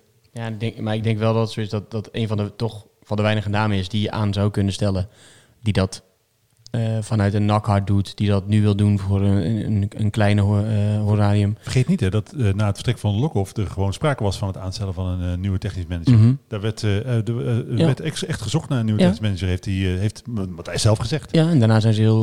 daarna is natuurlijk de bom gebarsten, zeg maar, met de, met de aandeelhouders. Ehm, en toen hebben ze natuurlijk het boef afgekomen. Maar ik denk dat e- de- er is een, nu een reële optie voor iemand die dat zou willen doen. Maar ja, die komt niet op het moment dat Manders daar nog zit. Nee, maar ik, ik snap heel goed dat, eh, wat, Matthijs hier zegt. Hè, want op zich ben, ben ik wel met hem eens dat eh, een, een technisch manager bepaalt natuurlijk voor Mhm. een heel groot deel eh, de koers die je als club in ieder geval op sportief gebied Ja, uitzet. En dat zeker. heeft natuurlijk impact op alle lagen van je organisatie. Of nou je le- jeugdopleiding, je begeleiding, weet ik veel wat is. Com- commercieel toch ook wel, toch? Want ik bedoel, ik, kan, Erik Matthijs is ook wel echt een, een nakman. Ik kan me ook niet voorstellen dat hij straks allerlei ja, deals gaat verkopen waar hij eigenlijk ja, maar uiteindelijk is dat... diepst in zijn hart misschien tegen is. Ja, ik denk dat, dat toch wel iets anders ligt. Ik denk uiteindelijk is, is eh, commercieel management ook voor een heel groot deel relatiemanagement. eh, mensen betrokken houden bij de club. En ik denk dat dat, ja, dat is toch een ander verhaal dan wat, wat je op het veld voorgeschoteld krijgt. Ik snap wel dat, dat je daarmee wacht. Nou, ik denk dat die Amerikanen dan juist eh, die Matthijs zou kunnen gebruiken. Ja, ik denk ook om binding te houden met, eh, met mensen die nog geld binnenbrengen natuurlijk. Eh, maar goed, daar is dus ook eh, in ieder geval duidelijkheid over. Eh, dan aan het eind van het interview wordt er gekeken naar verschillende dossiers van, van een aantal spelers. Twee behandelen we even wat uitgebreider en twee wat korter. Allereerst Anouar Kali, want blijkbaar leeft hij toch nog wat op. Want we krijgen nog geld van 4 ton. Ehm, ja, dat brengen ze zelf eigenlijk naar buiten, want niemand wist dat daar nog iets, iets speelde. We dachten gewoon, we hebben Kali, zijn maar een half jaar kwijt en hij doet niet in Breda mee. En misschien dat het nog iets oplevert, maar dat dacht eigenlijk niemand. Viston dacht daar eigenlijk ook hetzelfde over. Die wilde dat eh, niet, niks betaald werd omdat hij grotendeels geblesseerd was. En volgens Matthijs Manders is daar eh nak in het gelijk gesteld. En komt Viton nu netjes de afspraak maken. En krijgen we dus nog een paar Belgische duiten. Ja, vier ton is er natuurlijk ook eh, volgens mij... eh, Ook van eigenaar gewisseld net. Is, is eh, eh, dingen daar niet begonnen? Tom van Abelen? Ja, ja, volgens mij wel. Ja, Ja. dat snap- je ook. Die, die, goed, die heeft natuurlijk zelf die deal gesloten. Ja. Die, weet, eh, die kan natuurlijk niet ontkennen nee. dat daar... Eh, nee, pff, nee, eh, nee, volgens nee, mij nee, niet. volgens mij hoeft ze helemaal niks te betalen. dat, is, eh, dan heeft hij natuurlijk als eh, technisch manager daar ook een probleem. Nee, dus dat is gewoon het is een club die vol- volgens mij helemaal leeg was. Eh, En dat, ja, goed, die andere club waar we het zo daar over gaan hebben, gaan hebben, Kiasso, dat speelt natuurlijk een beetje hetzelfde. Ja. Eh, dus ik weet het- dat je het geld eh, toegezegd krijgt, is ja mooi. Ik wist niet dat er een probleem was, maar ik had Nee. het geld eigenlijk al lang afgeschreven. Ja, bij, bij, bij Vierton wordt dan nu gezegd wel dat, daar zegt hij iets explicieter van, zij komen hun afspraken nu na. Dus ik kan me voorstellen dat daar een soort eh, regelingen zijn getroffen van maak nog eh, vijf keer eh 5000 euro over en dan is, het, is het bijvoorbeeld gesetteld. Het fout Chiasso en uh, is natuurlijk wel een heel ander verhaal, want ja, NAC is allemaal door de allerhoogste rechters in het gelijk gesteld. Ze zou nog drie ton krijgen vanuit Zwitserland. Vier ton, drie ton. Ja. Ja, alleen ja, wie gaat dat betalen? Want uh, Chiasso is inmiddels ver afgezakt, heeft eigenlijk geen geld, wacht op geld van Frozione. Maar Frozione zegt dan weer niet te gaan betalen. Waarop Matthijs wel zegt, ja, maar ja, ja, het zijn allemaal als-dan vragen. Want we zijn in het gelijk gesteld door de, door de hoogste rechter. Dus eh, het geld komt eh, zeker deze kant op. Maar ja, die moet wel natuurlijk betaald worden. Dit zijn van die procedures die uiteindelijk eindeloos lang duren. Dat, dat kan gerust nog vijf, zes, eh, misschien wel tien jaar duren voordat daar de laatste cent van betaald is. Dus het is super cool dat je daar recht op hebt. Maar ja, Ik hoorde me niet zeggen het is overgemaakt of de factuur is betaald. Of, dus Nee, en dat gaat ook heel lang niet gebeuren, want, want Kiasso heeft echt geen ene rotcent. En die zouden wel een paar rotcenten hebben als Frosinone zou betalen. Maar Frosinone zegt, ja, nee, eh, Vloed. Ja, Had een hartafwijking. Had een hartafwijking. Toch een paar keer laten voetballen Ah, nog. nee, Ja, dus, eh, ja, sorry man, had een hartafwijking. Dat is super kut voor hem, maar nou kunnen we ook niet betalen. En eh, die, die zaak volgens mij is daar Chiasso inmiddels ook in het gelijk gesteld. Maar eerder dat geld van Frosinone naar Ki- Chiasso is gegaan. En dan vanuit Chiasso naar... eh, ben je zeker Breda. eh, 180 dagen verder met betalingstermijn van 90 dagen. Dus, eh dus je, dat is, je bent dan echt, echt jaren verder. Ja. Dus dat is geld wat we misschien ooit een keer krijgen. En dan hebben we het al lang niet meer nodig. Dan hebben ze eigenlijk twee, ehm, twee andere spelers, wordt nog even over gehad. En dat is eh, onder andere rechtsback Schouten. Eh, want volgens mannen is het zo dat NAC eh, niet anders kon dan voor de constructie gaan. Het nu is gegaan. Ze waren in gesprek met, met Robin Schouten over een nieuw contract. Maar die zei, ja, ik ga zeker geen nieuw contract tekenen zolang we KKD spelen. NAC promoveert natuurlijk niet. waardoor hij zei, ja, dan wil ik ook niet, niet bijtekenen. Ehm, en vervolgens eh, is uiteindelijk toch bijgetekend, maar dan wel met de clausule erin dat hij eh, transfervrij mocht vertrekken. Eh, dus werd er verlengd, maar wel onder bepaalde voorwaarden. En daar zegt Manders het volgende over.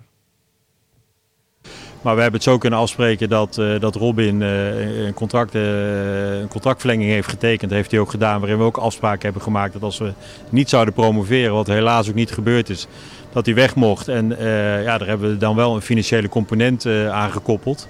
En eh, dat, dat is de afspraak die, eh, die we toen gemaakt hebben. Dus we hadden eigenlijk niks. Hij, hij zou gratis eh NAC verlaten. En nu, eh, eh, nou we hebben zeker niet de hoofdprijs, maar eh, we, we hebben in ieder geval een mooie eh, doorverkoop kunnen bedingen. En eh, ja, meer was er op dat moment niet haalbaar, want hij zou nooit een contract getekend hebben om in de eerste divisie te blijven voetballen. Nou jongens, die hebben we hartstikke goed gedaan als club. Want hij zou nooit eh, bijtekenen. Dus nu hebben we een mooi doorverkooppercentage. Ik denk gewoon, waarom heb je hem dan niet gewoon dan al laten gaan? Dan had je... eh, Dit gaat... zijn- zijn jaar zijn contract te laten dienen. Ja, maar dit, die, die gaat sowieso niks opleveren. Want eh, die komt van, van jong AZ. Want bij AZ zelf heeft hij altijd de boot gemist. Bij jong AZ speelde hij ook niet eens altijd. Maar wel eens van, nou, we, gaan, we geven hem wel een kans. En die gaat dan nu in Denemarken spelen. Nou, ook niet eens echt in de spotlight. Hij, is ook- hij komt toch van ook van eh, Jong Ajax, Jong Ajax en? Volendam. Ja.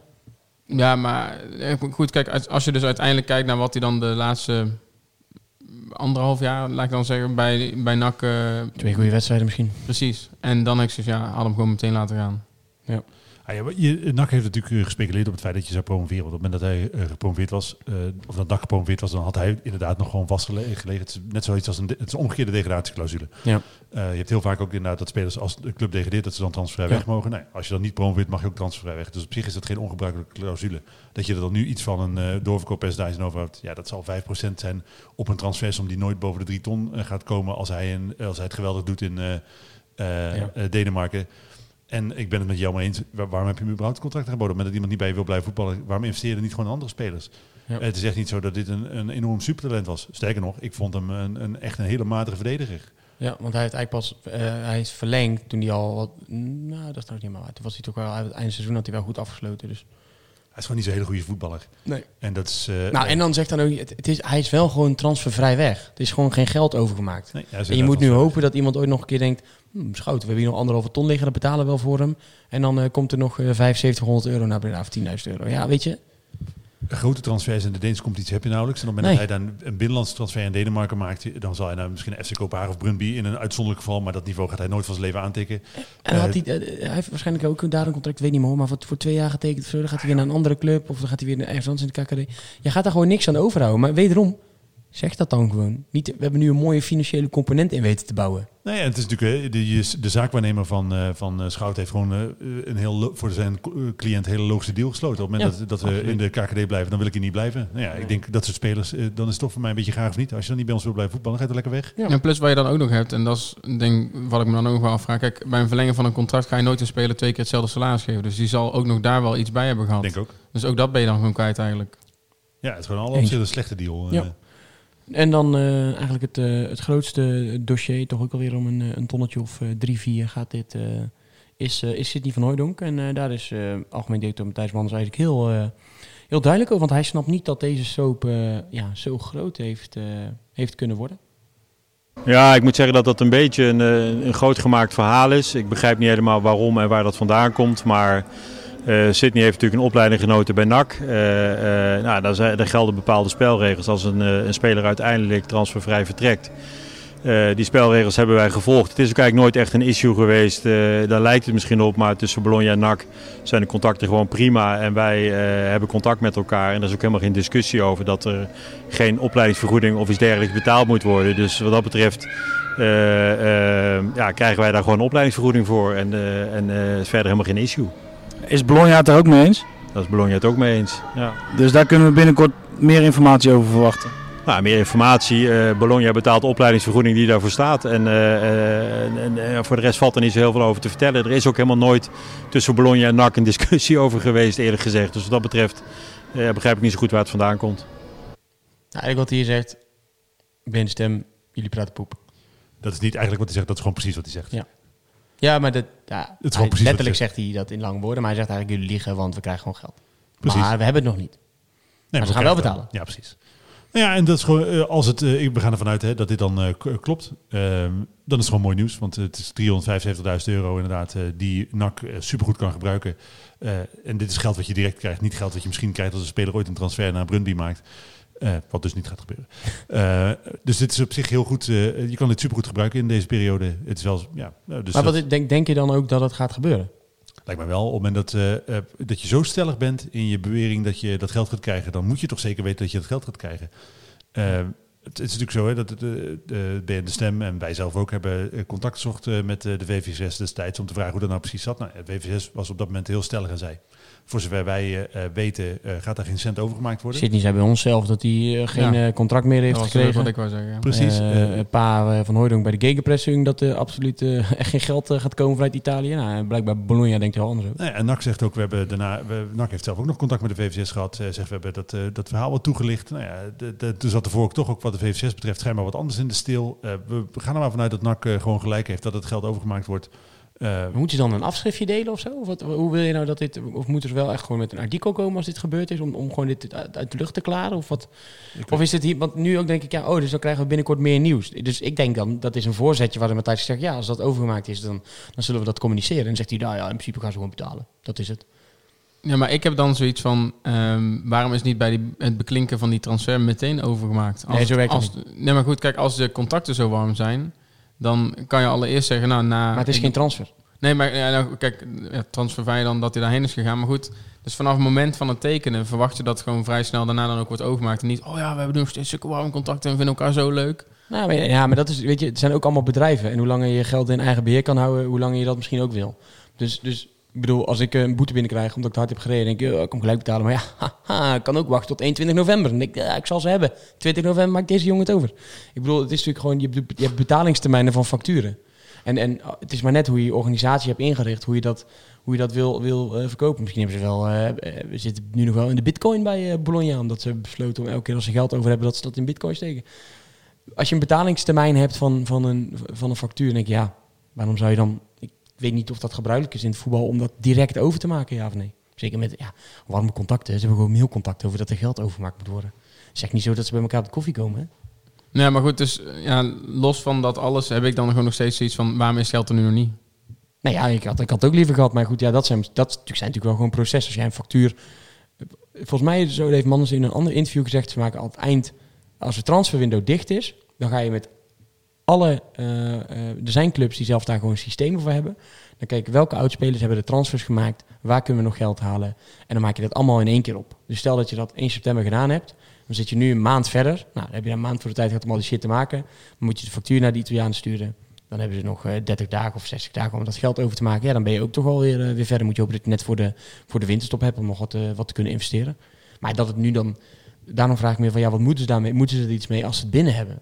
Moet je daar dan eh, gewoon een bericht van maken van, ja, het geld is binnen? Of moet je dat, moet, is dit het? Ik zou dat wel doen, want je hebt ook met, eh, eh, in het verleden met Amoa en weet ik wat, Ja. is er ook gewoon over gecommuniceerd. Ik, ik denk, dit, dit is gewoon iets waar je, waar je prima een berichtje aan kan wijden. Toch? Ik, ik, zie niet in waarom je dat niet zou doen, want het is in principe geen bedrijfsgeheim als het geld binnenkomt. Nee. Want je hebt het nu super duidelijk aangekondigd dat het geld eraan zit te komen. Dan zou ik niet, zie ik niet in waarom je dat niet zou doen. Ik, eh, niet. Nee, ik zou het eh eh, NAC van harte aanraden. Ik, ik ga denk ik op het moment dat daar communicatie over eh, eh, uitblijft, vanzelf eh, naar vragen waar dat eh, bericht blijft. Ik noem het gewoon gratis publieksbinding. Dat, is, eh, dat kost geen enkele moeite om op de NAC-site te zetten. Hey, we hebben binnen. Nee, daarom. Precies. Helemaal goed. Ehm, ja, dan denk ik dat we hem zo even gaan parkeren. Eh, toch wel een onvoldoende hè, voor het interview, eigenlijk. Vind ik. Ja, nice try, no banana. Het, het is zo dat je als clubkanaal zijnde is dit ongeveer de, de eh, interview, eh, is, is stijl van interviewen. Dan eh, eh, val je algemeen directeur niet eh, erg lastig. Dan geef je hem alle ruimte om eh, uitwegen te zoeken. Eh, dat is vanuit, eh, ik snap heel goed hoor, want eh, ze zijn natuurlijk ook gewoon collega's van elkaar. Je Ja, gaat, sowieso, Je, ja. gaat je collega niet afstand maken daar. Nee. Dat zou wel heel interessant televisie opgeleverd hebben. Nee, maar dat is gewoon niet hoe je elkaar We hebben allemaal de mails gezien, Matthijs. Kom op. Nee, precies. Hup, hup, hup, hup. Dus dat is gewoon hoe je met elkaar omgaat. Eh, alleen het is vanuit, eh vanuit NAC gezien gewoon niet zo heel sterk. Echt Het had, nog, het, had, het had wel beter gekund. Ik heb het ook even met Alex over gehad. En ik heb gezegd, joh, sta je open voor kritiek? Want er zijn natuurlijk een aantal dingen die in het interview niet helemaal lekker lopen. En dat, daar was hij het ook wel mee eens. Dus, dus, maar dan denk ik, dat, dat is dan jammer. Want je hebt het zelf gedaan. Dus ik, ik snap wel dat er een bepaalde tijdsdruk of wat dan ook... Maar je had alle tijd ervoor kunnen nemen. En Dat, dat is dan jammer. Want het is weer een kans, zeg maar, die je dan een beetje mist... om, om, om iets goeds daar eh, neer te zetten. En weet je wat het is? Het is gewoon wat je terecht ook al opmerkt. Het is maanden geleden dat we iets van hem gehoord hebben. Mhm. En dan is dit wat je vertelt. Ja, ik denk, dat vind ik gewoon niet zo sterk. Dat vind ik gewoon echt niet zo sterk. Alleen het, eh, het, eh, die dansende beer op die gloeiende plaat. Die gloeiende plaat is wel iets minder heet op dit moment. Dus hij kan weer iets eh, langer stilstaan. In ieder geval tot, tot de elfde. Eens. Dan gaan we naar het traditionele laatste blokje van deze podcast. En dat is eh Exnak. En dan hebben we allereerst eh, twee spitsen die het op dit moment wel behoorlijk doen. Hè? Ja, Oumar Sadiq eh, is nog steeds eh, on fire. Die eh, doet het met Almeria weer supergoed. Hij had deze zomer natuurlijk, eh, leek het te lang op dat hij een transfer zou maken. Hij is denk ik aan heel Europa gelinkt. Eh, Sevilla vooral heel concreet. Hè? Klopt. Eh, het is alleen zo dat de eigenaren van Almeria eh, hebben geld in, ik weet niet eens hoe Duits spreek, spreek je goed Spaans? Almeria. Almeria. Eh, Almeria. het is allemaal, maar in ieder ik dacht Almeida, maar dat is ook niet dus. Nee, dat is iets anders. Eh, die hebben geld als water. Eh, dus die zeggen ook, ja, onze spits, die hoeven we helemaal niet te verkopen. Eh, dus die zijn super hoog in de boom gezet. Die wilden meer dan 30 miljoen, geloof ik. voor nog meer, 60. 60, Ja. 300. Ze hebben gewoon willekeurige bedragen genoemd. Fuck, hè. dat- Ze hebben Matthijs Manders gebeld. Ik zeg, wat we noemen wat willekeurige bedragen. Precies. Dus die is, die is lekker gebleven. Maar die staat nu na zeven wedstrijden op vijf goals. Hij doet het gewoon fantastisch. Hij is, gaat dit seizoen weer dubbele cijfers halen. Vorig jaar volgens mij na 40 wedstrijden op 20 goals geëindigd. Doet het gewoon supergoed. Ik denk dat het voor hem ook wel oké is dat hij daar nog een jaartje zit. Gewoon eh, wat langer in plaats van... Eh, echt, de twee jaar goed doen is ook lekker. Hè? In plaats van voor 60 miljoen ergens binnenkomen en dan... eh, Nog betere staat van dienst opbouwen. Ja. Maar dat hij eh, een toptransfer gaat maken komende zomer. Ik denk nog niet, deze winter is eh, wat mij betreft wel echt een zekerheidje. Ja, tenzij ze promoveren misschien. Nou, als Tottenham Harry Kane verkoopt, Oumar Sadiq bij Tottenham. En, en, eh, waar, waar, zijn- waar zijn top precies ligt, is heel moeilijk eh, eh, in te schatten. Heel hoog. Ja, heel hoog. Eh, puur op eh, zijn lengte. Maar het is heel lastig in te schatten. Ik, maar als je ziet hoe... eh, hij heeft het bij Partizan eh eh, Belgrado natuurlijk heel goed gedaan. Hij is bij NAC ook niet toch een Nigeriaan, toch? Of niet? Zeker. Heeft hij al is hij zijn debuut al gemaakt? Nigeria B. eh, hij heeft er wel een, een paar keer tegenaan gezeten. Maar eh, ja, ze hebben natuurlijk die, die eh, spits van eh, Genk. Ja, En, en eh, Dest zit er af en toe wel eens bij. Maar ik denk, nou, dan zou hij toch goed er niet onder voor doen, denk ik. Nigeria B volgens nog uh, Olympische elftal had natuurlijk uh, gespeeld. Ja. Uh, dus hij zit er wel dicht tegenaan. En als hij de straks transfer maakt, dan wordt hij misschien wel Eh, eerst spits van Nigeria. En nog goed voor eens altijd is Omar Sadiq of Sadiq Omar? Maakt me niet zoveel uit. Hij scoort niet veel goals. Ik denk dat niemand het uitmaakt. Nee, dat is ook niet. En de tweede spits is Stipe Perica. Ja, die is, heeft natuurlijk een transfer gemaakt naar Israël, Maccabi Haifa. Was de eerste doelpuntenmaker in de Conference League. Dus die pakken dat record pakken ze hem nooit meer af. Eh, Voor eeuwig in de boeken. Ja, voor eeuwig in de boeken. En eh, hij doet het ook wel eh, goed. Hij heeft natuurlijk ook een moeilijke periode gehad eh, bij Watford. Waar hij eigenlijk niet aan het spelen toe kwam. Hij heeft sowieso een beetje naar zijn transfer naar Udinese een beetje gezocht naar de juiste club. Lijkt heb een halfjaartje wel goed gedaan bij Udinese. Dat iedereen dacht, oh. Klopt. Ja. Alleen uiteindelijk toch niet doorgebroken. En heeft het in België ook niet heel bijzonder gedaan.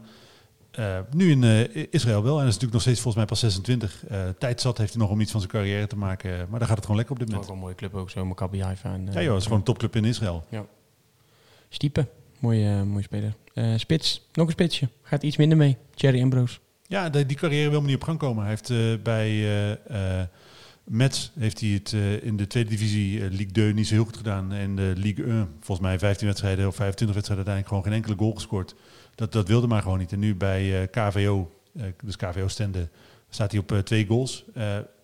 Na negen wedstrijden. Er zijn ook geen echte cijfers van een... eh, Nee, dan maak je er acht. eh, heel seizoen. Ja, en het is zo, bij, bij NAC was hij natuurlijk ook in de spits werd hij gebruikt. Was het geen echte spits, maar... Van de zijkant was hij beter. Klopt, vanaf de rechterkant heeft hij uiteindelijk in, eh, volgens mij, 30 wedstrijden 10 goals gemaakt. Of als tweede, tweede spits zou ik ook al goed eromheen. Weet je wel, om Seuntjes in of Pilaten heen of zo. Maar ik denk op het moment dat, dat, dat, dat bij NAC je uitgevonden hebt dat je prima vanaf de rechterkant kunt komen, ja, dan, dan vertel je dat toch op het moment dat er een nieuwe club komt. Ik bedoel, hij spreekt eh, behoorlijk wat taal inmiddels, denk ik. Ja. Hij moet het toch uit kunnen drukken. Ja. Dus eh, nee, maar dat wil gewoon niet. Droite, s'il vous plaît. En dat was nou een van die spelers die bij NAC eh, op huurbasis speelde, waarvan ik dacht, oh jongen, jij hebt echt wel een mooie toekomst in het verschiet liggen. Maar dat, ja, hij plafonneert, zoals ze dan in België zeggen, eh, behoorlijk. Wie weet, ik kom nog een keer tegen in Nederland op, op de velden. Ehm, de laatste is ook wel een schitterend verhaal. En, Brian Roy die is, is veroordeeld voor het bedreigen van eh, eh, Mark Rutte, de premier. Want eh, Brian Roy had opgeroepen dat er een headshot moest komen voor de premier. Maar in de verdediging van Brian Roy bedoelde hij daarmee dat er een portretfoto gemaakt moest worden van Mark Rutte. Ja, ja. Want die hebben we nog niet, die ontbrak. Nee, precies. Eh, ja, daar kan je... eh, ja, Personal branding heeft eh, Brian Roy natuurlijk verstand van. Ja. Dus op zich snap ik heel goed dat hij dat soort adviezen geeft aan de minister-president. Ik denk, het zijn natuurlijk allebei mensen die in het spotlight leven. Die kunnen elkaar natuurlijk wat makkelijker... eh, die weten precies wat, wat, hoe dat werkt. Nee, ja, Brian Roy is Had natuurlijk... hem ook gewoon even in een DM'tje kunnen sturen, toch? Dan. Weet je Ja. wat jij moet doen, Mark? Ja, Gewoon even een nieuw fototheater maken, weet je wel. Dat, dat, nee, dat is natuurlijk gewoon een heel wazig verhaal. Ah, een beetje, beetje, beetje, ik wil niet die, die, die discussie niet aan, maar ik bedoel een beetje doorgeslagen in, in bepaalde denkwijzen. Want Mark Rutte zou de wereldbevolking willen eh, verkleinen naar 5 miljoen. Je wilt die discussie niet aan, maar laten we wel even wel wezen. eh, je mag een idioot gewoon wel echt een idioot noemen. Nee, Deze- dat bedoel deze, ik, Deze man is echt volledig Ja. ontspoord. Ja. Is echt, die is, Daarom ieder- kwam ik met iedere het vorm meeste. van rationaliteit is, die- is volledig zoek. Jij denkt niet dat Mark Rutte de wereldbevolking naar 5 miljoen wil terugbrengen. Ja, misschien wel. En dan zou, maar dat, dat Maar dan moet je er wel open en transparant over zijn. Ja, precies. Niet zoals Matthijs Manders. Nee, daar zijn we best wel over. Dan, dan, dan zijn we bereid mee te denken in bepaalde dingen. Ja, maar goed, die, die, eh, en dat is ook, dat, is- ik, ik, op zich vind ik het wel jammer dat daar dan geen beelden van zijn. Want hij is in april is hij natuurlijk eh, eh, op, is, verhoor, is hij verhoord en heeft hij onder andere deze uitspraak gedaan. De, de wereldbevolking 5 miljoen. Dus hij heeft daar waarschijnlijk een rant van anderhalf uur gehouden. Maar Oh, die politieagenten, waarom zien we het dan niet? Waarom worden jullie nou niet wakker? Weet je wel, hier allemaal linkjes doorgestuurd. Zitten John en Attie zitten zo daar. Oh, ja, zegt die nou? Zegt die Dus nou? die heeft daar, eh, en dan eh, waarschijnlijk is die, eh, voelt zich onbegrepen ook. Dan denkt hij, ik, hè, dit is precies waar ik, waar ik tegen strijd. De macht die precies mij klein houdt en eh, ons allemaal eh, eh, zand in de ogen strooit. En daarvan dat, van dat verhoor had ik heel graag gewoon een integrale een do- documentaire. Ja, precies. 24 uur met Brian Roy. Ja, het is eh, natuurlijk... eh, ja, goed. Het is goed dat hij tegen opgetreden wordt tegen dit soort gedrag. Laat ik het daarmee zeggen. Dit weekend heb ik ook een gallig gezien. Lijkt me toch niet helemaal de juiste weg. En weet je, ik vind het op zich heel... heel eh, Brian Roy mag, eh, mag vinden wat hij wil. Hè. En ik, Absoluut. eh, eh, hij zal misschien op sommige punten, die waar ik inderdaad eh, nog Niet- die wij niet zien. eh, ontwa- ik ben dan nog niet ontwaakt. Eh, dan, ik heb dat gewoon nog niet door. Daar Zo ben jij nou niet. Nee, helemaal niet. Dat heeft hij gewoon, heeft hij gewoon helemaal gelijk. Eh, en dat is helemaal oké dat daar ruimte voor is in het eh, publieke debat. Maar er zijn natuurlijk wel grenzen aan wat je eh, over andere mensen zegt. Precies dat. Eh, doen, proberen wij ook altijd hier netjes eh, te doen. Het is inderdaad, het klinkt wel hypocriet uit mijn mond bedenken. nou goed. Maar misschien dat ik gewoon dit advies zelf ook te harte neem. En dat Ja. dit gewoon, ik, ik zeg gewoon niks meer. Oké. Ook niet op je Twitter, hè? Wil je nog wat zeggen over de NAC Museum Clubactie, Rabo? Ja, want dat is natuurlijk wel mooi nieuws. En, Ja. eh, of mooi nieuws is niet. eh, de de NAC-museum eh, is weer een van de partijen waar je met de Rabo eh, Club eh, actie... Ik moet trouwens wel even goed zeggen hoe die actie precies heet. Nou ja, dat, Ja, Rabo Clubactie volgens mij. Is dat Ja. echt zoals dit? Ja. Club Support actie is het. Ik wist dat we een stukje vergaten. Eh, is het eh, museum een van de partijen waar je voor eh, kunt sparen? Als je Eh, klant bent bij Rabobank, dan kan je aangeven waar je voor, eh, waar je voor wil sparen. En hoe meer stemmen een partij krijgt, hoe groter de bijdrage is die, eh, die ze kunnen krijgen. En volgens mij hebben ze al eerder mee gedaan. Toen is er wel een behoorlijk bedrag opgehaald. Exact. En eh, ik denk dat eh, je als eh, supporter eh, nou ja, morele verplichting is een heel groot woord, maar ik denk dat het een heel groot goed is om een, eh, de, je eigen geschiedenis te investeren. En eh, een partij als het NAC-museum is een partij die die geschiedenis op een ongelooflijk mooie wijze beheert. Eh, daar heel veel mooie, mooie dingen mee doet. Mooie nieuwsbrief iedere maand. Dat was ook de reden waarom ik hem, waarom ik van die club supportactie wist, stuurt. Als je geen donateur bent, nou, word het dan vooral. Als je geen donateur wil worden, maar wel bij de Raadbank zit, support ze dan in ieder geval via die clubsupportactie. Want het is eh, een, echt een heel, heel goed doel. Dan eh, ja, moeten we hem toch ergens erin fietsen. Het, is nog ver weg en we gaan het ook eh, eh, vast later nog doen. Maar ik wil toch even dit geluidje nog erin fietsen. Wint NAC de eerste wedstrijd van de komende periode? Ik ben op dit moment, mijn, mijn, mijn, mijn, mentale staat is dat ik op dit moment toch denk dat we gewoon de rest van het seizoen alle wedstrijden gaan winnen. Ik zit ja, nu volledig op die, eh, in die high van die overwinning. Dus nee, ik denk dat wij, we gaan, eh, ook als je naar het programma kijkt, want dat is wel, we kunnen daar wel even over hebben. Ik heb het Ja. even bijgepakt. Eh, daar zit met de komende wedstrijden Jong AZ. Nou, dat, moet drie punten zijn, dus die gaan we sowieso pakken, antwoord op je vraag. Volendam, lastige wedstrijd. Dan thuis tegen MVV, uit naar Os, uit naar Dordrecht, thuis tegen Jong Utrecht, uit naar Jong PSV, thuis tegen Helmond Sport, uit naar De Bosch, thuis tegen Almere en uit eh, tegen ADO. Dat zijn de laatste wedstrijden voor de jaarwisseling. Daar moet je En eigenlijk... is, het, maar de- wat, is dat ook heel de periode of niet? Ik denk het wel. Dat Ah, ja. het overgrote deel daarvan moet je eigenlijk gewoon winnen. Dus ik eh, verwacht dat wij... eh, hoeveel wedstrijden waren het? 1, 2, Negen dan, 3, hè? 4, 5, 6. Nou, laten we zeggen een stuk of 10 wedstrijden, 30 punten. Oké, ja. nou, 29. Precies. Maar keer. nee, dus dat kan niet trouwens. Je moet, 28. je moet in deze periode van het seizoen heel, heel veel punten gaan pakken. En het is ook de tijd te grijpen. Jelmers, winnen we hem? Jong AZ? Het wordt moeilijk, maar 2-1. Oké, 6-1. prima. 6-1. 6-1. Op het gemakje. Ehm, het, is een, eh, het is een lange uitzending geworden, maar eh, er was genoeg te bespreken. En eh, nu komt er ook lekker Interland weekendje aan. Betekent natuurlijk niet dat we er niet zijn volgende week. We gaan nog even kijken naar de exacte invulling daarvan. Want volgende week is het tijd voor de forumavond. Eh, wij hopen dan allemaal te weten wie we zijn, want we hebben een weekendje gepland met Bizet Reds. Zo zijn we dan ook wel weer. Plannen we in het Interland eh, weekend. als ik hem dan toch op een, een, een eh, uitsmijter, ik denk dat dit mijn laatste podcast van het jaar was. Ja? Ja, ik ga een sabbatical nemen tot, eh, het, eh, tot 2022. Om, de- om de punten te vieren. Om eens eh, na te denken over mijn eigen toekomst. Doe dat. Helemaal goed. Wil ik jullie allemaal bedanken, luisteraars ook, hier in de studio. En dan eh, zijn we er eh, weer volgende week.